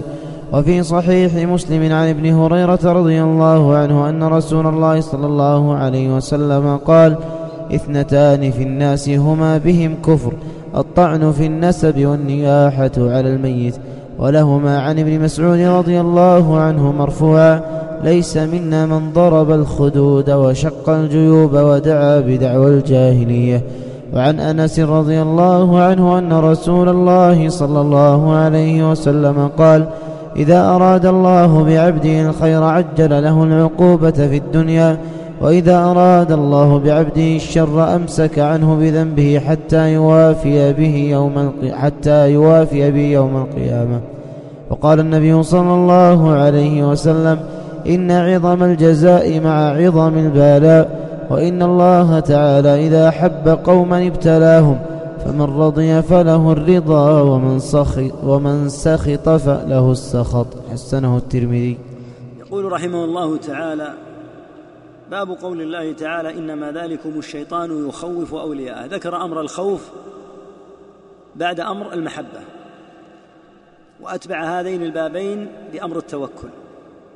فتحدث عن الخوف وعن الحب. والمحبة ينبغي أن يعلم أنها على نوعين. النوع الأول محبة عادية كمحبة الإنسان لأهله وبعض المطاعم والمشارب التي يهواها فهذه محبة عادية لا إشكال فيها وهي موجودة في كل إنسان. وكان النبي صلى الله عليه وسلم يحب الحلواء والعسل عليه الصلاة والسلام وكان يحب الدباء فهذه محبة عادية. وإذا قيل يجب الواجب محبة الله ونحو ذلك وأنه لا يقدم على محبة الله شيء فالكلام هنا عن المحبة العبادية وهي النوع الثاني محبة العبادة. المشركون يحبون أندادهم حب عبادة ولهذا قال تعالى والذين آمنوا أشد حبا لله. الخوف كذلك نوعان. خوف عادي وخوف عبادة. فالخوف العادي خوف الإنسان من الأمور المضرة كأن يخاف السباع وما فيه ضرر عليه وهذا أمر معروف. وحتى الأنبياء عليهم الصلاة والسلام يقع منهم هذا الخوف ولا يضر. قال الله عز وجل عن موسى عليه الصلاة والسلام فأوجس في نفسه خيفة موسى. فمثل هذه الأمور أمور عادية. لكن ما المراد بقولنا إن الخوف لا أمر يجب أن يخلص لله عز وجل المراد به خوف العبادة كما نقول أيضا محبة العبادة. ذكر رحمه الله تعالى هنا ما يتعلق بالخوف من الله تبارك وتعالى والخوف من غيره. فبدأ بقول الله عز وجل إنما ذلكم الشيطان يخوف أولياءه. معنى الآية إنما ذلكم الشيطان يخوفكم أولياءه. هذا المراد لأن قوله يخوف أولياءه. الشيطان لا يخوف أولياءه وإنما المقصود أنه يخوفكم أنتم أولياءه يعني أنه يعظم أولياءه في نفوسكم ويصورهم على أنهم عندهم كذا وكذا من إمكان الإضرار بكم ونحو ذلك. قال تعالى فلا تخافوهم وخافوني إن كنتم مؤمنين. يعني إن كنتم مؤمنين فخافوا الله تعالى ولا تخافوا أولياء الشيطان. ثم ذكر قول الله عز وجل إنما يعمر مساجد الله من آمن بالله واليوم الآخر وأقام الصلاة وآتى الزكاة ولم يخش إلا الله. هذه الخشية الحقيقية وهي الخوف العبادي الذي يتقرب به إلى الله عز وجل. ومن عظيم أمر الخوف من الله نسأل الله أن يملأ به قلوبنا مع أنه خوف أنه إذا امتلأ به القلب خف أمر الخوف من الخلق. فبقدر ما يمتلئ القلب من خوف الله عز وجل ويعظم بقدر ما يخف الخوف من المخلوقين. وإذا ضعف خوف الله عز وجل اشتد خوف المخلوقين. فمن تحقق الخوف من الله تحقق الخوف من الله عز وجل هان عنده الخلق. والناس في هذا درجات عظيمة. ولهذا يتفاوتون في الإقدام والإحجام والشجاعة والأمر بالمعروف والنهي عن المنكر بحسب قوة الخوف من الله. فإذا عظم الخوف من الله هان الخلق على العبد. وإذا عظم خوف العبد واشتد خوفه من الناس فهذا من دلائل قلة الخوف في قلبه من الله تعالى. الخوف يقال فيه نفس ما قيل في المحبة. الخوف أصل الخوف من الله عز وجل يستحيل أن تخلو منه قلوب المسلمين. مهما كانت درجة المسلم في العصيان وفي الجرأة على محارم الله فإن فيه أصل الخوف. فإن قلت كيف يقدم على قطع الطريق وعلى عقوق الوالدين وعلى شرب الخمور كيف يقدم عنده خوف من الله؟ نقول عنده أصل خوف عنده خوف ضعيف جدا. أما لو زال الخوف من من القلب بالكلية فإن هذا لا يكون في مسلم أصلا. لا يوجد مسلم لا يحب الله وكذلك لا يوجد مسلم لا يخاف الله أصلا. ذكر بعد ذلك قول الله عز وجل ومن الناس من يقول آمنا بالله فإذا أوذي في الله جعل فتنة الناس كعذاب الله. عذاب الله نسأل الله العافية والسلامه ليس له نظير. فهذا صنف من الناس ضعيف الإيمان. يزعم أنه قد آمن بالله لكنه إذا أوذي لكنه إذا أوذي في الله أوذي بسبب إيمانه. جعل فتنة الناس كعذاب الله وبالغ هذه المبالغة الشديدة بأن أوصل الناس إلى هذه المرتبة. الناس لا الناس لا شك أنهم يضرون وقد يظلمون لكن لا ينبغي أن يجعل الخوف منهم مثل أمر الخوف من الله عز وجل أو أن تكون المخافة من سطوتهم وتسلطهم مثل المخافة من عذاب الله. نسأل الله العافية والسلام. ولهذا ذكر الله تعالى على هذا على سبيل الذم.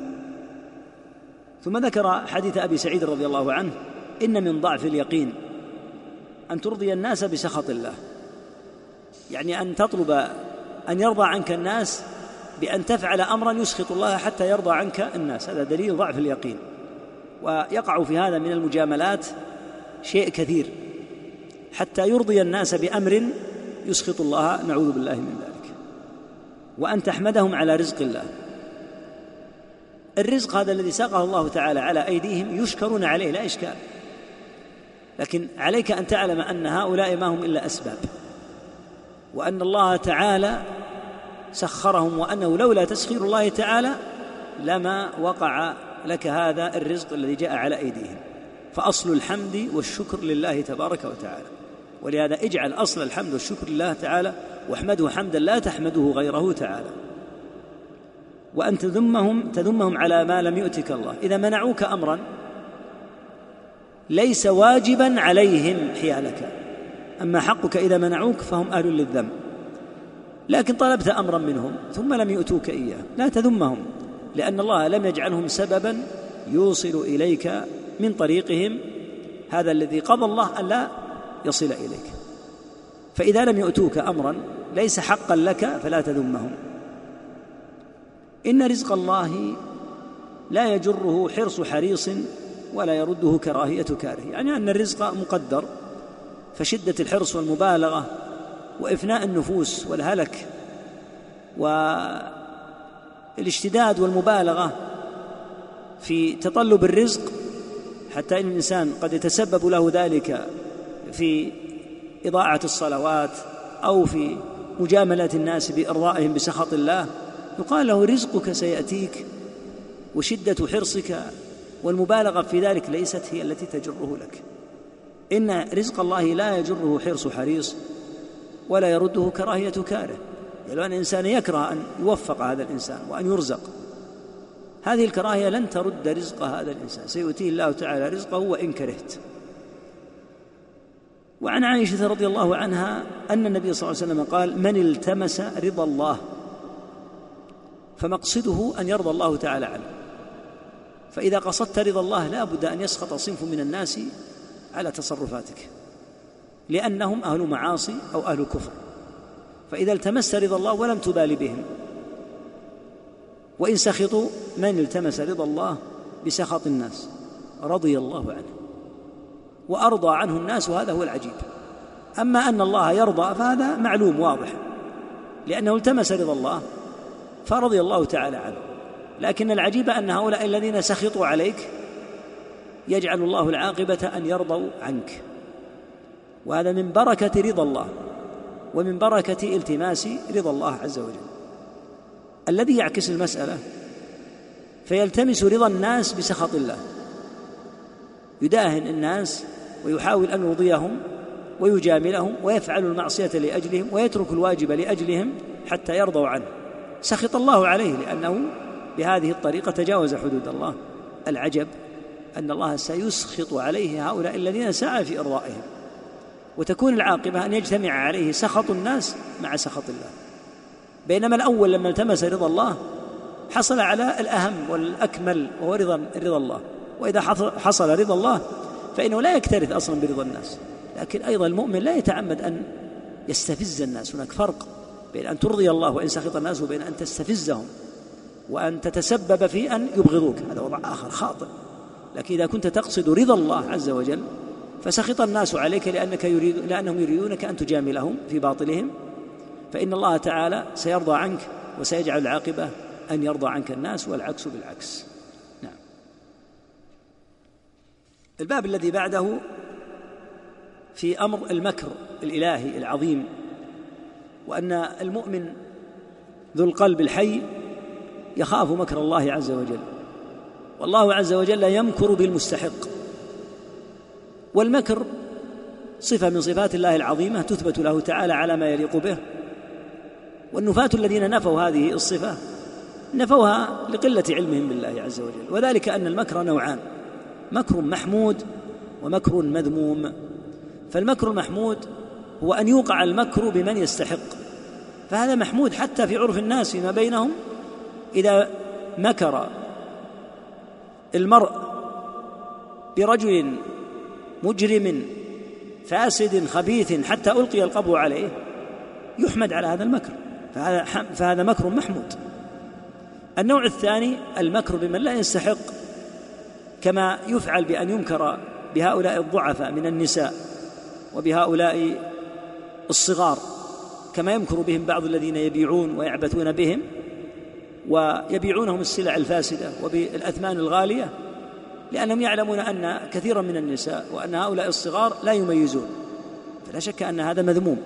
الله تبارك وتعالى الله عز وجل جعل المكر على هذين النوعين وهو منزه سبحانه وبحمده عن النوع الثاني لأن النوع الثاني لا يفعله إلا أخس الناس.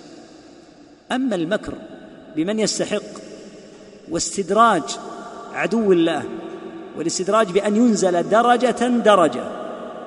سنستدرجهم من حيث لا يعلمون. يستدرجهم سبحانه وتعالى حتى ينزلوا درجة. ثم درجة ثم درجة واستدراجه يكون بأن يفيض عليهم النعم. فيبطروا. فإذا أصابهم البطر والأشر من مكره العظيم أنه يزيدهم. فتتوالى عليهم النعم. فيزيدون بطرا. فينزلهم درجة. ثم درجة ثم يأخذهم أخذ عزيز مقتدر. سبحانه وتعالى. سبحانه وتعالى إذا قال سنستدرجهم من حيث لا يعلمون. فالمكر هو إيصال الضرر بمن يستحق من حيث لا يشعر. وهذا نص الله تعالى عليه. سنستدرجهم من حيث لا يعلمون فيمكر بهم سبحانه وتعالى مكره العظيم. وقد قال تعالى وأملي لهم إن كيدي متين. نسأل الله العافية والسلامة. فلا شك أنها صفة. حقيقية تثبت لله تبارك وتعالى. يقول تعالى أفأمنوا مكر الله؟ فلا يأمن مكر الله إلا القوم الخاسرون. الذي يأمن المكر من رب العالمين خاسر غافل لا يعي ولا يفهم. يخشى من مكر الله نسأل الله العافية والسلامة. ومن علامات مكر الله بالعباد أن يفيض عليهم النعم ويقابلوها بالمعصية. فإذا كانوا هم يزيدون في الذنوب وهو يزيد في النعم فهذه علامة ظاهرة وجلية جدا على أن هؤلاء القوم ممكور بهم. وقد يأخذهم عياذا بالله أخذ عزيز مقتدر في حين غفلة منهم.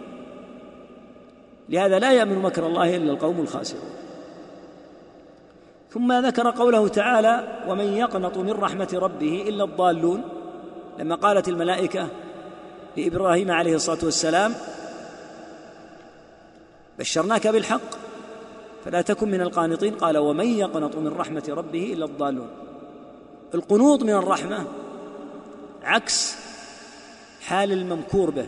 الممكور به آمن آمن من العذاب. ولشدة أمنه نسأل الله العافية اجترأ على معاصي الله من شدة أمنه.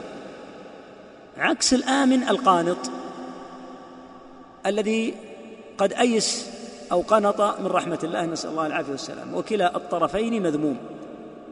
فمن أمن من مكر الله اجترأ على الذنوب.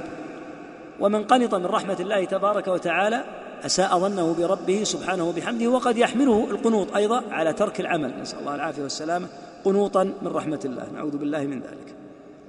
في الحديث أنه صلى الله عليه وسلم سئل عن الكبائر فقال الشرك بالله وهو أكبر الكبائر كما هو معلوم واليأس من روح الله. والأمن من مكر الله. كلا الطرفين محرم مذموم ان تياس من روح الله عز وجل ومن أن يقع لك من رحمته وتفريجه شيء وأن يقول الانسان أنا إنسان لن أرى الخير من ربي عز وجل. فأمر الخير بالنسبة لربي من ربي بالنسبة لي قد انقطع. وإن كان خيره عاما للعباد. أما عن نفسي فأنا قد انقطع مني الرجاء. فهذا عياذا بالله من أسوأ الدرجات ومن أخبثها. وعكسه الأمن من مكر الله كما هو حال كثيرين من المخدوعين من المجترئين على معاصي الله. ثم إذا نبهوا وحذروا قالوا إن الله غفور رحيم لا تشدد. فهذا أمر لا تشديد فيه. لا أشدد في ماذا؟ أقول لك أنت لا تصلي وتقول لا تشدد. أقول لا تشرب الخمر وتقول لا تشدد. التشديد هو مخالفة الشرع. بأن يخرج عن الحد الشرعي. هذا هو التشديد كما يفعل من يبالغون مبالغات الخوارج.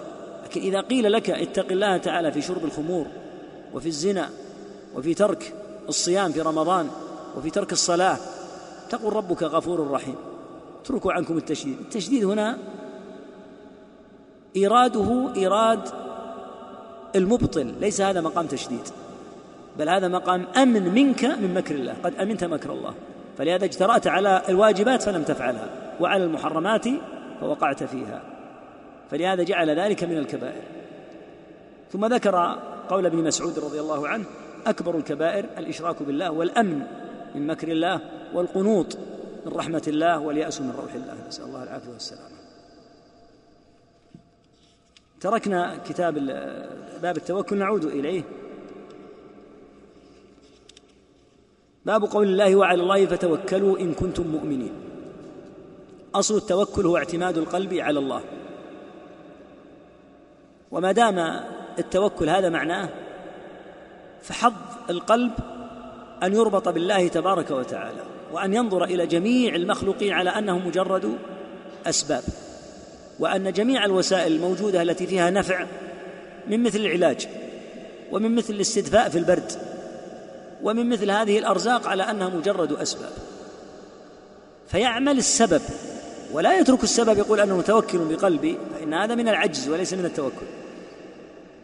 وأيضا لا يبالغ في أمر السبب بحيث يبالغ في السبب وينسى التوكل على الله عز وجل. فالتوكل درجة متوسطة بين درجة العاجزين الكسالى الذين يقول القائل منهم أنا متوكل على الله بزعمه فلا يعمل. ويقول إن كان الله تعالى قدر لي رزقا فسيأتيني وأنا متوكل على الله في هذا. فهذا كما جاء عن عمر رضي الله عنه أنه دخل المسجد ووجد أناسا قاعدين فيه قال ما أنتم؟ قالوا نحن المتوكلون. فعلاهم بالدرة وطردهم من المسجد وقال أنتم المتأكلون. يعني تريدون أن تبقوا في المسجد حتى إذا رآكم الناس قالوا هؤلاء سيموتون جوعا. أطعموهم. قال أن تريدون أن يطعمكم الناس فأنتم المتأكلون لا المتوكلون لأن التوكل هو اعتماد القلب على الله فتعتمد بقلبك. أما الأسباب سعيك في رزقك سعيك في العلاج هذا أمر لا يخالف التوكل فالتوكل أصلا لا يكون إلا مع الأسباب. وسيد المتوكلين صلى الله عليه وسلم هو أعظم من حقق التوكل وكان يراعي الأسباب. فلما خرج مهاجرا صلى الله عليه وسلم وكان الكفار يطلبونه اختفى. ولم يقل الله تبارك وتعالى هو الذي أرسلني وهو قادر على أن يحميني فسأخرج أمامهم وليفعلوا ما شاءوا. لأن من التوكل لأن فعل الأسباب لا يعارض التوكل. وعلى هذا فالناس ثلاث درجات. درجة من يبالغ في زعمه أنه متوكل حتى يعطل الأسباب كالصوفية. ويترتب على فعلهم هذا ما ذكر عمر رضي الله عنه. ان الناس يقول هؤلاء من الصلحاء من الأتقياء فأطعموهم. ولذلك قال عمر أنتم المتأكلون ولستم المتوكلين. يمكث أحدكم في المسجد وقد علم أن السماء لا تمطر ذهبا ولا فضة. يعني اسعوا في الرزق ولا تبقوا هكذا. فهذه الدرجة الأولى درجة المتعاجزين الذين يسمون عجزهم توكلا الدرجة الثانية درجة المتهالكين على الأسباب. الذين ليس شيء يسيطر على قلوبهم إلا فعل السبب. غافلين عن رب العالمين سبحانه وتعالى وعن عن أن الأمر بيده وأن إليه تعالى تصريف الأمور. المؤمن هو من يربط قلبه بالله تعالى بالتوكل عليه الذي هو الاعتماد. التوكل هو اعتماد القلب على الله. والسبب يسعى فيه ويقول سيد المتوكلين صلى الله عليه وسلم كان يسعى في السبب صلى الله عليه وسلم. ولهذا لما قال يعقوب لبنيه يا بني لا تدخلوا من باب واحد وادخلوا من أبواب متفرقة وما أغني عنكم من الله من شيء. أثنى الله عليه لأنه خشي عليهم العين كانوا شبابا وكثيرين. فلما رأى أنهم قد يدخلون وينظر إليهم جميعا قال ادخلوا من أبواب متفرقة. قال وما أغني عنكم من الله من شيء. يعني إن جاء قدر فأنا لا أرد لكن هذا سبب حتى يصرف عنكم العين. قال تعالى وإنه لذو علم لما علمناه. أثنى الله تعالى عليه لأنه اتخذ السبب. والنبي صلى الله عليه وسلم كان يتخذ السبب فكان يلبس الدرع حتى يمنع به طعنات الكفار. ولما كان يوم أحد ظاهر بين درعين اثنين فكان يعمل الأسباب عليه الصلاة والسلام. فيعمل المؤمن السبب ولا يعتمد على السبب ويعلم أن السبب إن لم ينفع الله تعالى به فلن ينفع. فهذا العلاج الواحد الآن يصرف في المستشفيات لمرضى منومين فيها عند طبيب واحد والتشخيص واحد والمرض واحد. ثم ينفع الله تعالى هذا المريض بهذا العلاج. المريض الذي معه قد يكون في نفس الغرفة ويصرف له نفس العلاج. يموت هذا المريض ويذهب به إلى المقبرة. وهذا يشفيه الله تعالى ويرجع إلى بيته. لأن العلاج سبب. والطبيب ماذا يقول لك؟ يقول من قال إني أشفي؟ أنا لا أشفي الناس. أنا أعالج. والنفع بالعلاج هذا إلى الله تبارك وتعالى. فإن نفع الله تعالى بالعلاج شفي وإن لم ينفع الله تعالى بالعلاج فإن الإنسان لا يشفى. وإن كانت الحالة واحدة وإن كان المرضى بنفس المستوى من المرض. لأن الله قضى أن ينقضي أجله هذا وذاك لم ينقضي أجله وكتب له الشفاء. ولهذا من أسماء الله الشافي وليس أحد من البشر يسمى الشافي. ما هنالك شافي إلا الله تعالى فالشفاء عنده ولهذا في حديث الرقية اشفي أنت الشافي؟ لا شافي إلا أنت. في اللفظ الآخر لا شفاء إلا شفاؤك. فالشفاء بيد الله عز وجل. إذا هذه أسباب. فيجمع المؤمن بين فعل السبب وبين ربط قلبه بالله تبارك وتعالى. ولهذا قال تعالى إن وعلى الله فتوكلوا إن كنتم مؤمنين. تقديم الجار والمجرور يفيد الحصر. وعلى الله فتوكلوا أي لا تتوكلوا إلا عليه. هذا المعنى. وعلى الله فتوكلوا أي لا تتوكلوا إلا عليه. ولما ذكر الله خصال المؤمنين قال إنما المؤمنون الذين إذا ذكر الله وجلت قلوبهم وإذا تليت عليهم آياته زادتهم إيمانا وعلى ربهم يتوكلون. أيضا قدم الجار والمجرور. يعني لا يتوكلون إلا عليه تعالى. وقال تعالى يا أيها النبي حسبك الله يعني يكفيك الله. ومن اتبعك من المؤمنين أي ويكفي من اتبعك من المؤمنين. وليس معنى الآية حسبك الله يكفيك الله ويكفيك من اتبعك من المؤمنون. بل المعنى حسبك الله يعني يكفيك الله ومن اتبعك من المؤمنين أي ويكفي من اتبعك من المؤمنين. فالحسب هذا خاص بالله عز وجل. ولو قال إن المؤمنين هم حسب النبي صلى الله عليه وسلم بل الله تعالى وحسب نبيه وحسب المؤمنين. وقوله ومن يتوكل على الله فهو حسبه أي كافيه. من توكل على الله كفاه عز وجل. وعن ابن عباس رضي الله عنهما قال حسبنا الله ونعم الوكيل. قالها إبراهيم صلى الله عليه وسلم حين ألقي في النار وقالها محمد صلى الله عليه وسلم حين قالوا له إن الناس قد جمعوا لكم فاخشوهم فزادهم إيمانا وقالوا حسبنا الله. معنى حسبنا الله أي يكفينا الله. من عظم توكلهم على الله يلقى إبراهيم في النار فيقال فيقول حسبنا الله يعني يكفيني الله عز وجل. وهكذا لما قيل للنبي صلى الله عليه وسلم بعد موقعة أحد إن أبا سفيان قد عزم قد عزم على أن يرجع بمن معه وأن يستأصلكم قالوا حسبنا الله ونعم الوكيل. الذين قال لهم الناس إن الناس قد جمعوا لكم فاخشوهم فزادهم إيمانا. يعني النبي وأصحابه. وقالوا حسبنا الله ونعم الوكيل. مسألة تتكرر يتكرر السؤال عنها. هل يصح أن يقال توكلت على الله ثم عليك؟ أما توكلت على الله وعليك فمعلوم أنها لا تصلح لكن هل يصح أن يقال توكلت على الله ثم عليك؟ كما يصح أن يقال ما شاء الله ثم شئت. من أهل العلم من قال يصح. قال لأنه جعل التوكل على المخلوق بعد التوكل على الله. فلا حرج.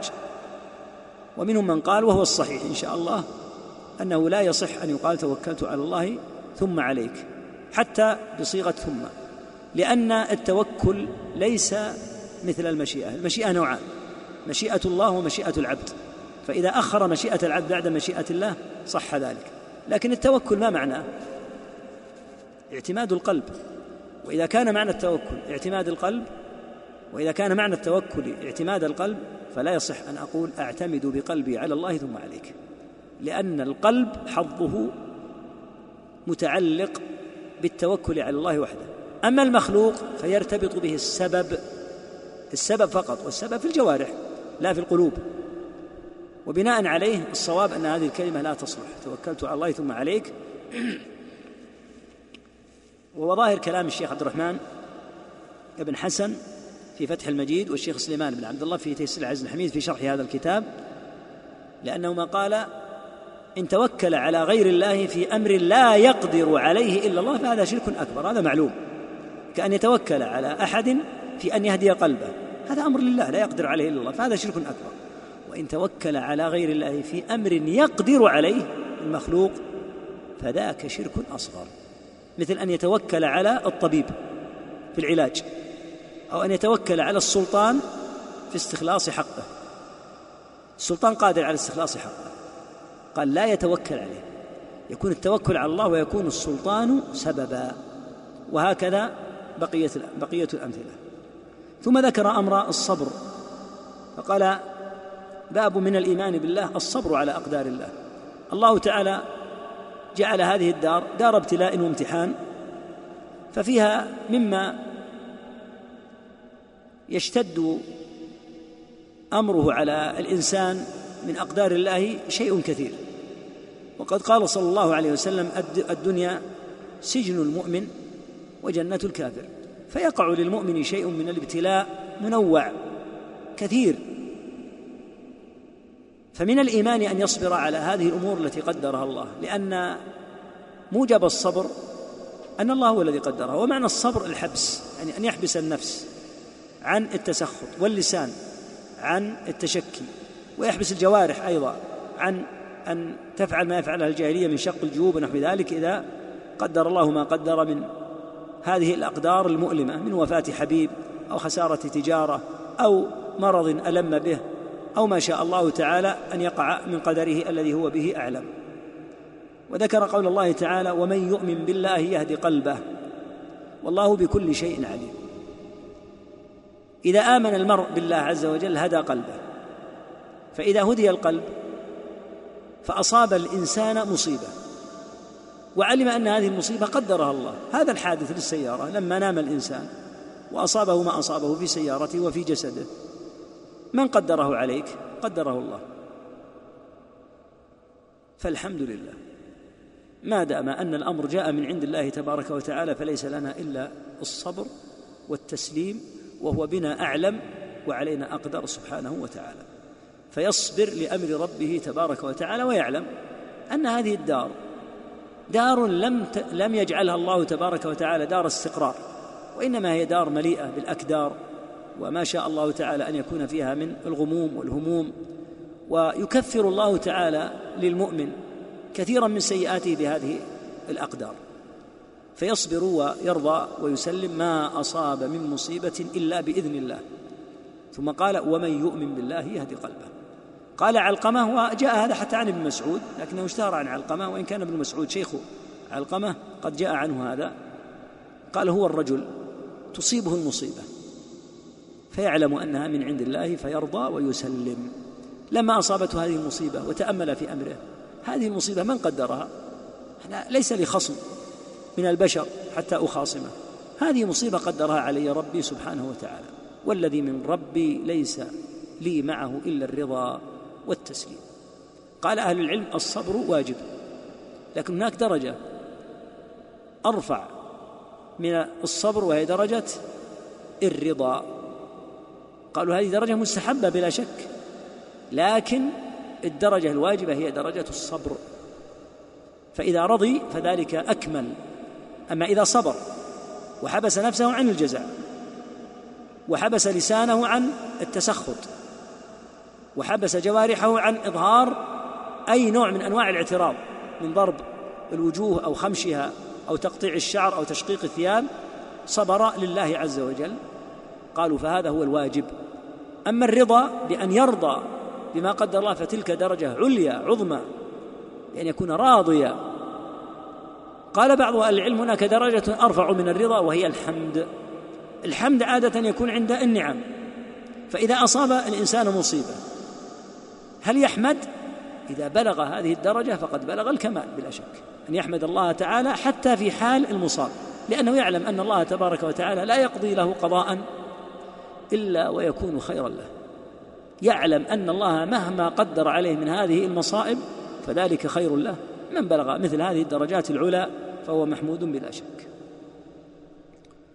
وفي صحيح مسلم أن النبي صلى الله عليه وسلم قال إثنتان في الناس هما بهم كفر الطعن في النسب وتقدم الكلام عليه والنياحة على الميت. ما علاقة النياحة على الميت؟ لأن النياحة ضد الصبر وتقدم الكلام على النياحة. سماها كفرا من قبيل الكفر الأصغر لأن المعاصي يطلق عليها كفر من هذا الباب.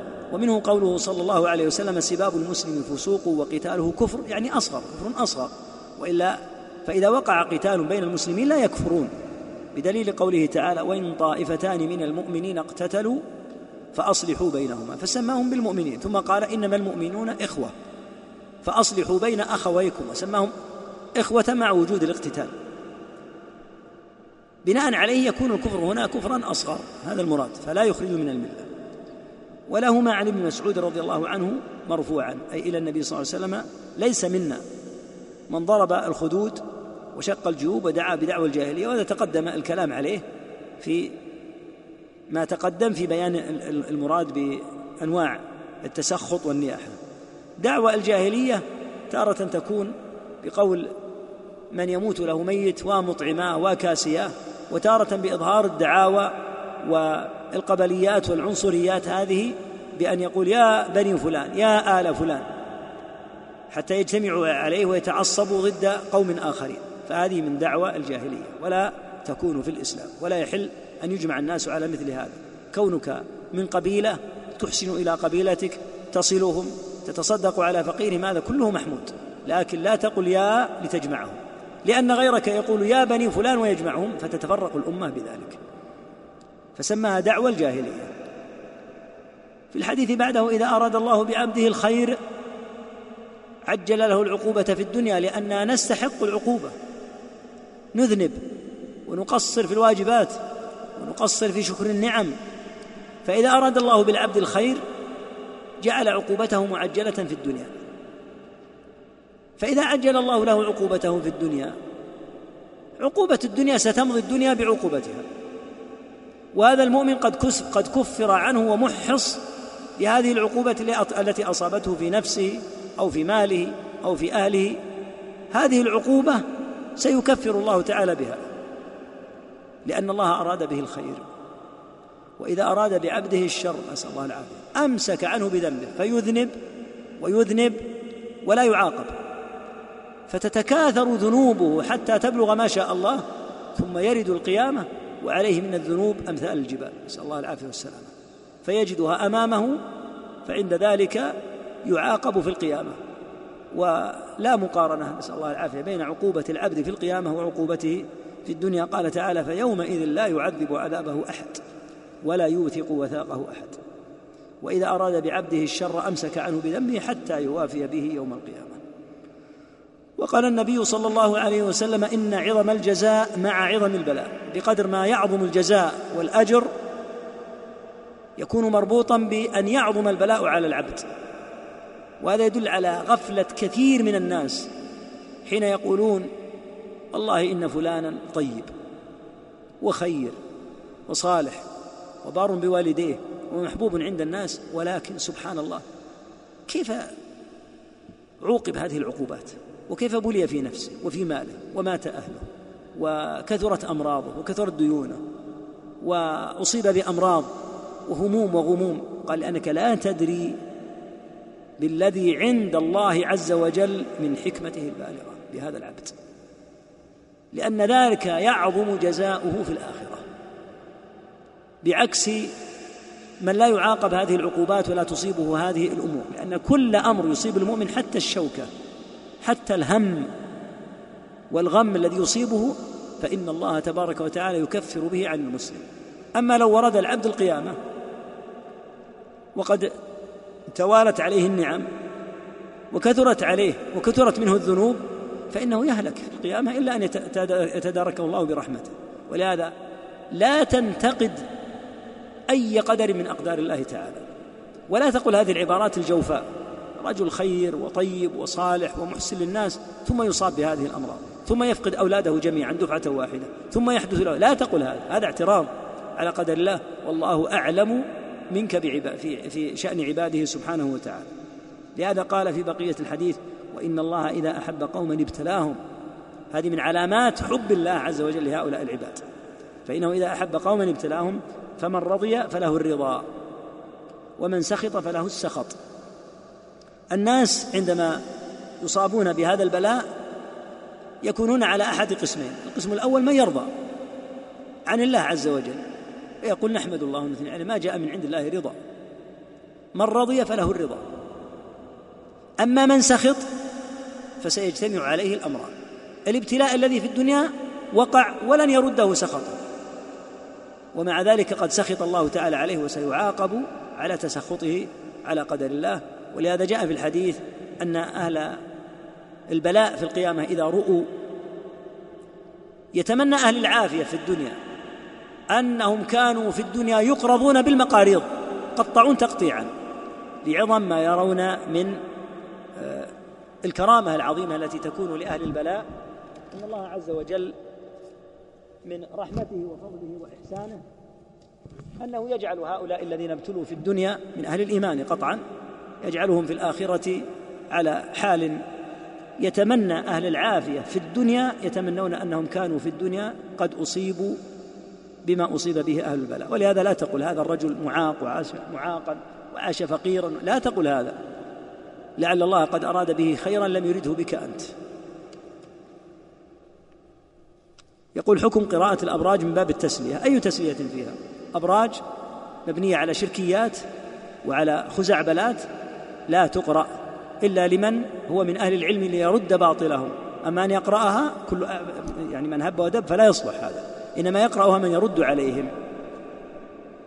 يقول ضابط الشرك الأصغر أشكل علي التفريق بينه وبين الشرك الأكبر. الشرك الأكبر يخرج من الملة والشرك الأصغر لا يخرج من الملة وله هذه الأحكام. والشرك الأكبر الشرك الأصغر ما سماه الشرع شركا ولم يصل إلى درجة الشرك الأكبر. أنت علمت الآن أن الشرك الأكبر يخرج من الملة فإذا سمى الشرع عملا من الأعمال كالرياء سماه شركا أصغر. وهذا الرياء لم يبلغ حد الردة للعبد فهذا معنى الشرك الأصغر أن يسميه الشرع شركا وأن لا يبلغ حد الشرك الأكبر.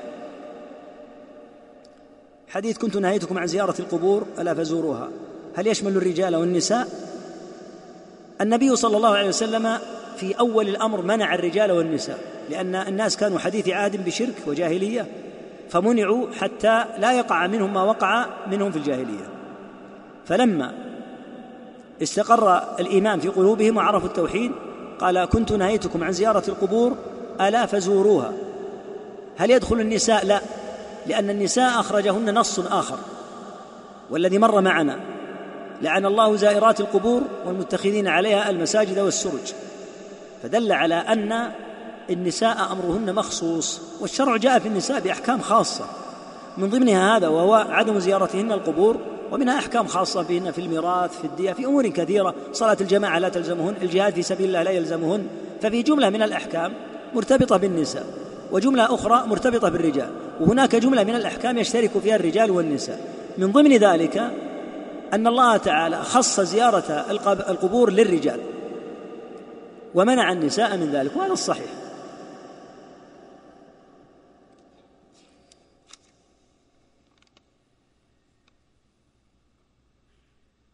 قول الأم أو الأب لابنهم الأكبر ارقي إخوتك. هل هو داخل في حديث يسترقون؟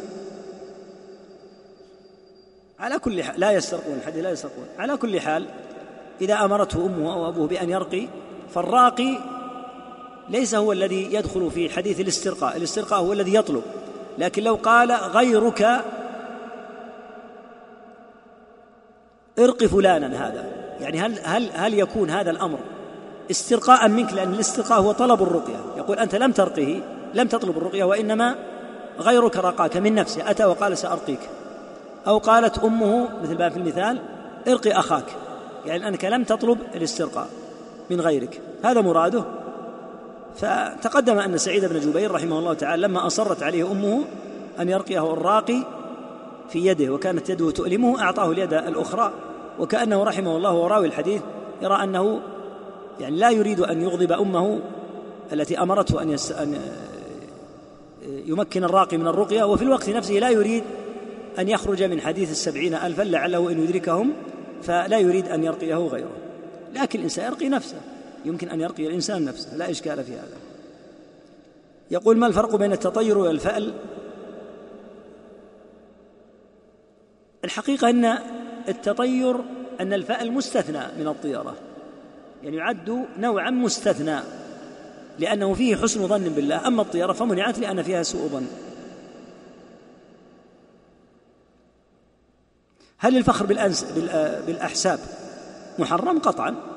أنا ابن فلان الذي فعل كذا وفعل كذا ذاك الذي فعل فعله له ليس لك. إذا تفاخرتم بقوم لهم شرف قلنا صدقتم ولكن بئس ما ولدوا. انظر إلى فعلك أنت أما أن تقول كان آبائي وأجدادي وأنا من كان آباؤه وأجداده فعلوا وفعلوا لا يصلح هذا. من خصال الجاهلية كما في الحديث.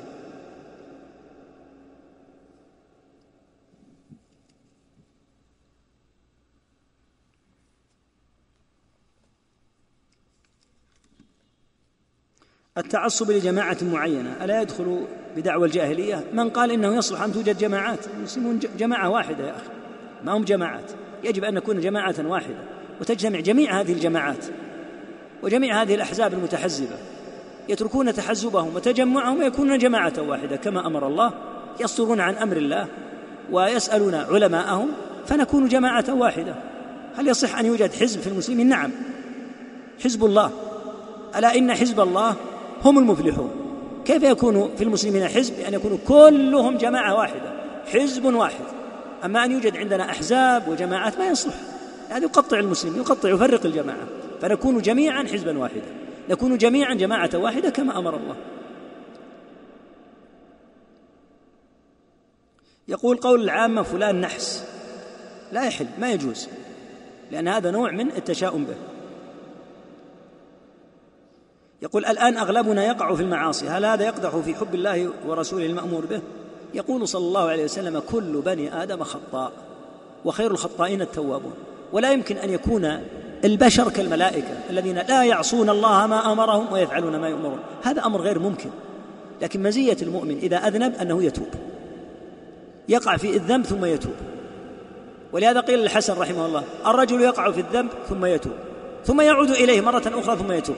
قال ما أعلم المؤمن إلا هكذا. ما نعمل ما نعلم المؤمن إذا وقع في ذنب إلا ويتوب منه.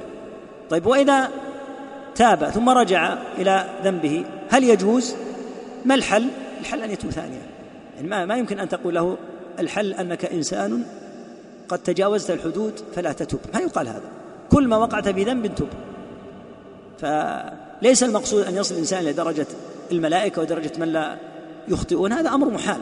لكن المؤمن إذا وقع في ذنب فإنه يتوب ويستغفر فيرفعه الله بتوبته كما أنه يرفعه بالعمل الصالح التوبة يرفعه بها فيكون الذنب سببا في رفعة درجته إذا هو تاب منه يكون أمر التوبة هذا التوبة عبادة عظيمة مستقلة فكلما وقع في ذنب فإنه يرجع إلى الله عز وجل.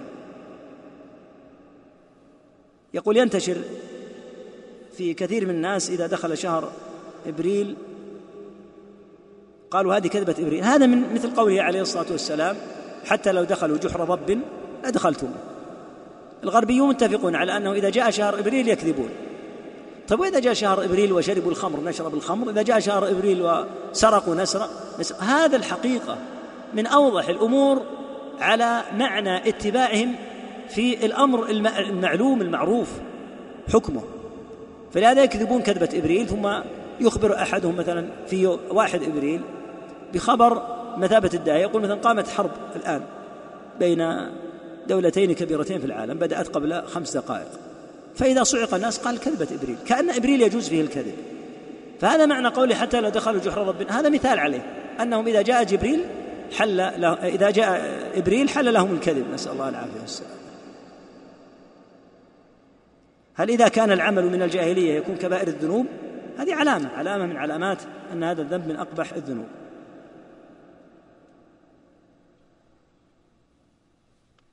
هذا أيضا سؤال عن الفرق بين الطيرة والفأل.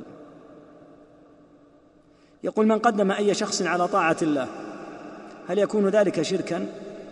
لأن محبة الشخص مقدم على محبة الله عز وجل. لا شك أن تقديم أحد في آه، أمر مجاملته حتى يقدم أمره على أمر الله عز وجل لا شك أن هذا قادح في حب الله تبارك وتعالى وأنه قد التفت إلى هذا لكن أن يطلق على هذا شرك هذا محل نظر والله أعلم لكن يقال لا شك أن هذا من الأمور السيئة ومن دلائل ضعف الإيمان وأن الواجب أن يقدم أمر الله تعالى على أمر ما سواه صلى الله وسلم على نبينا محمد وعلى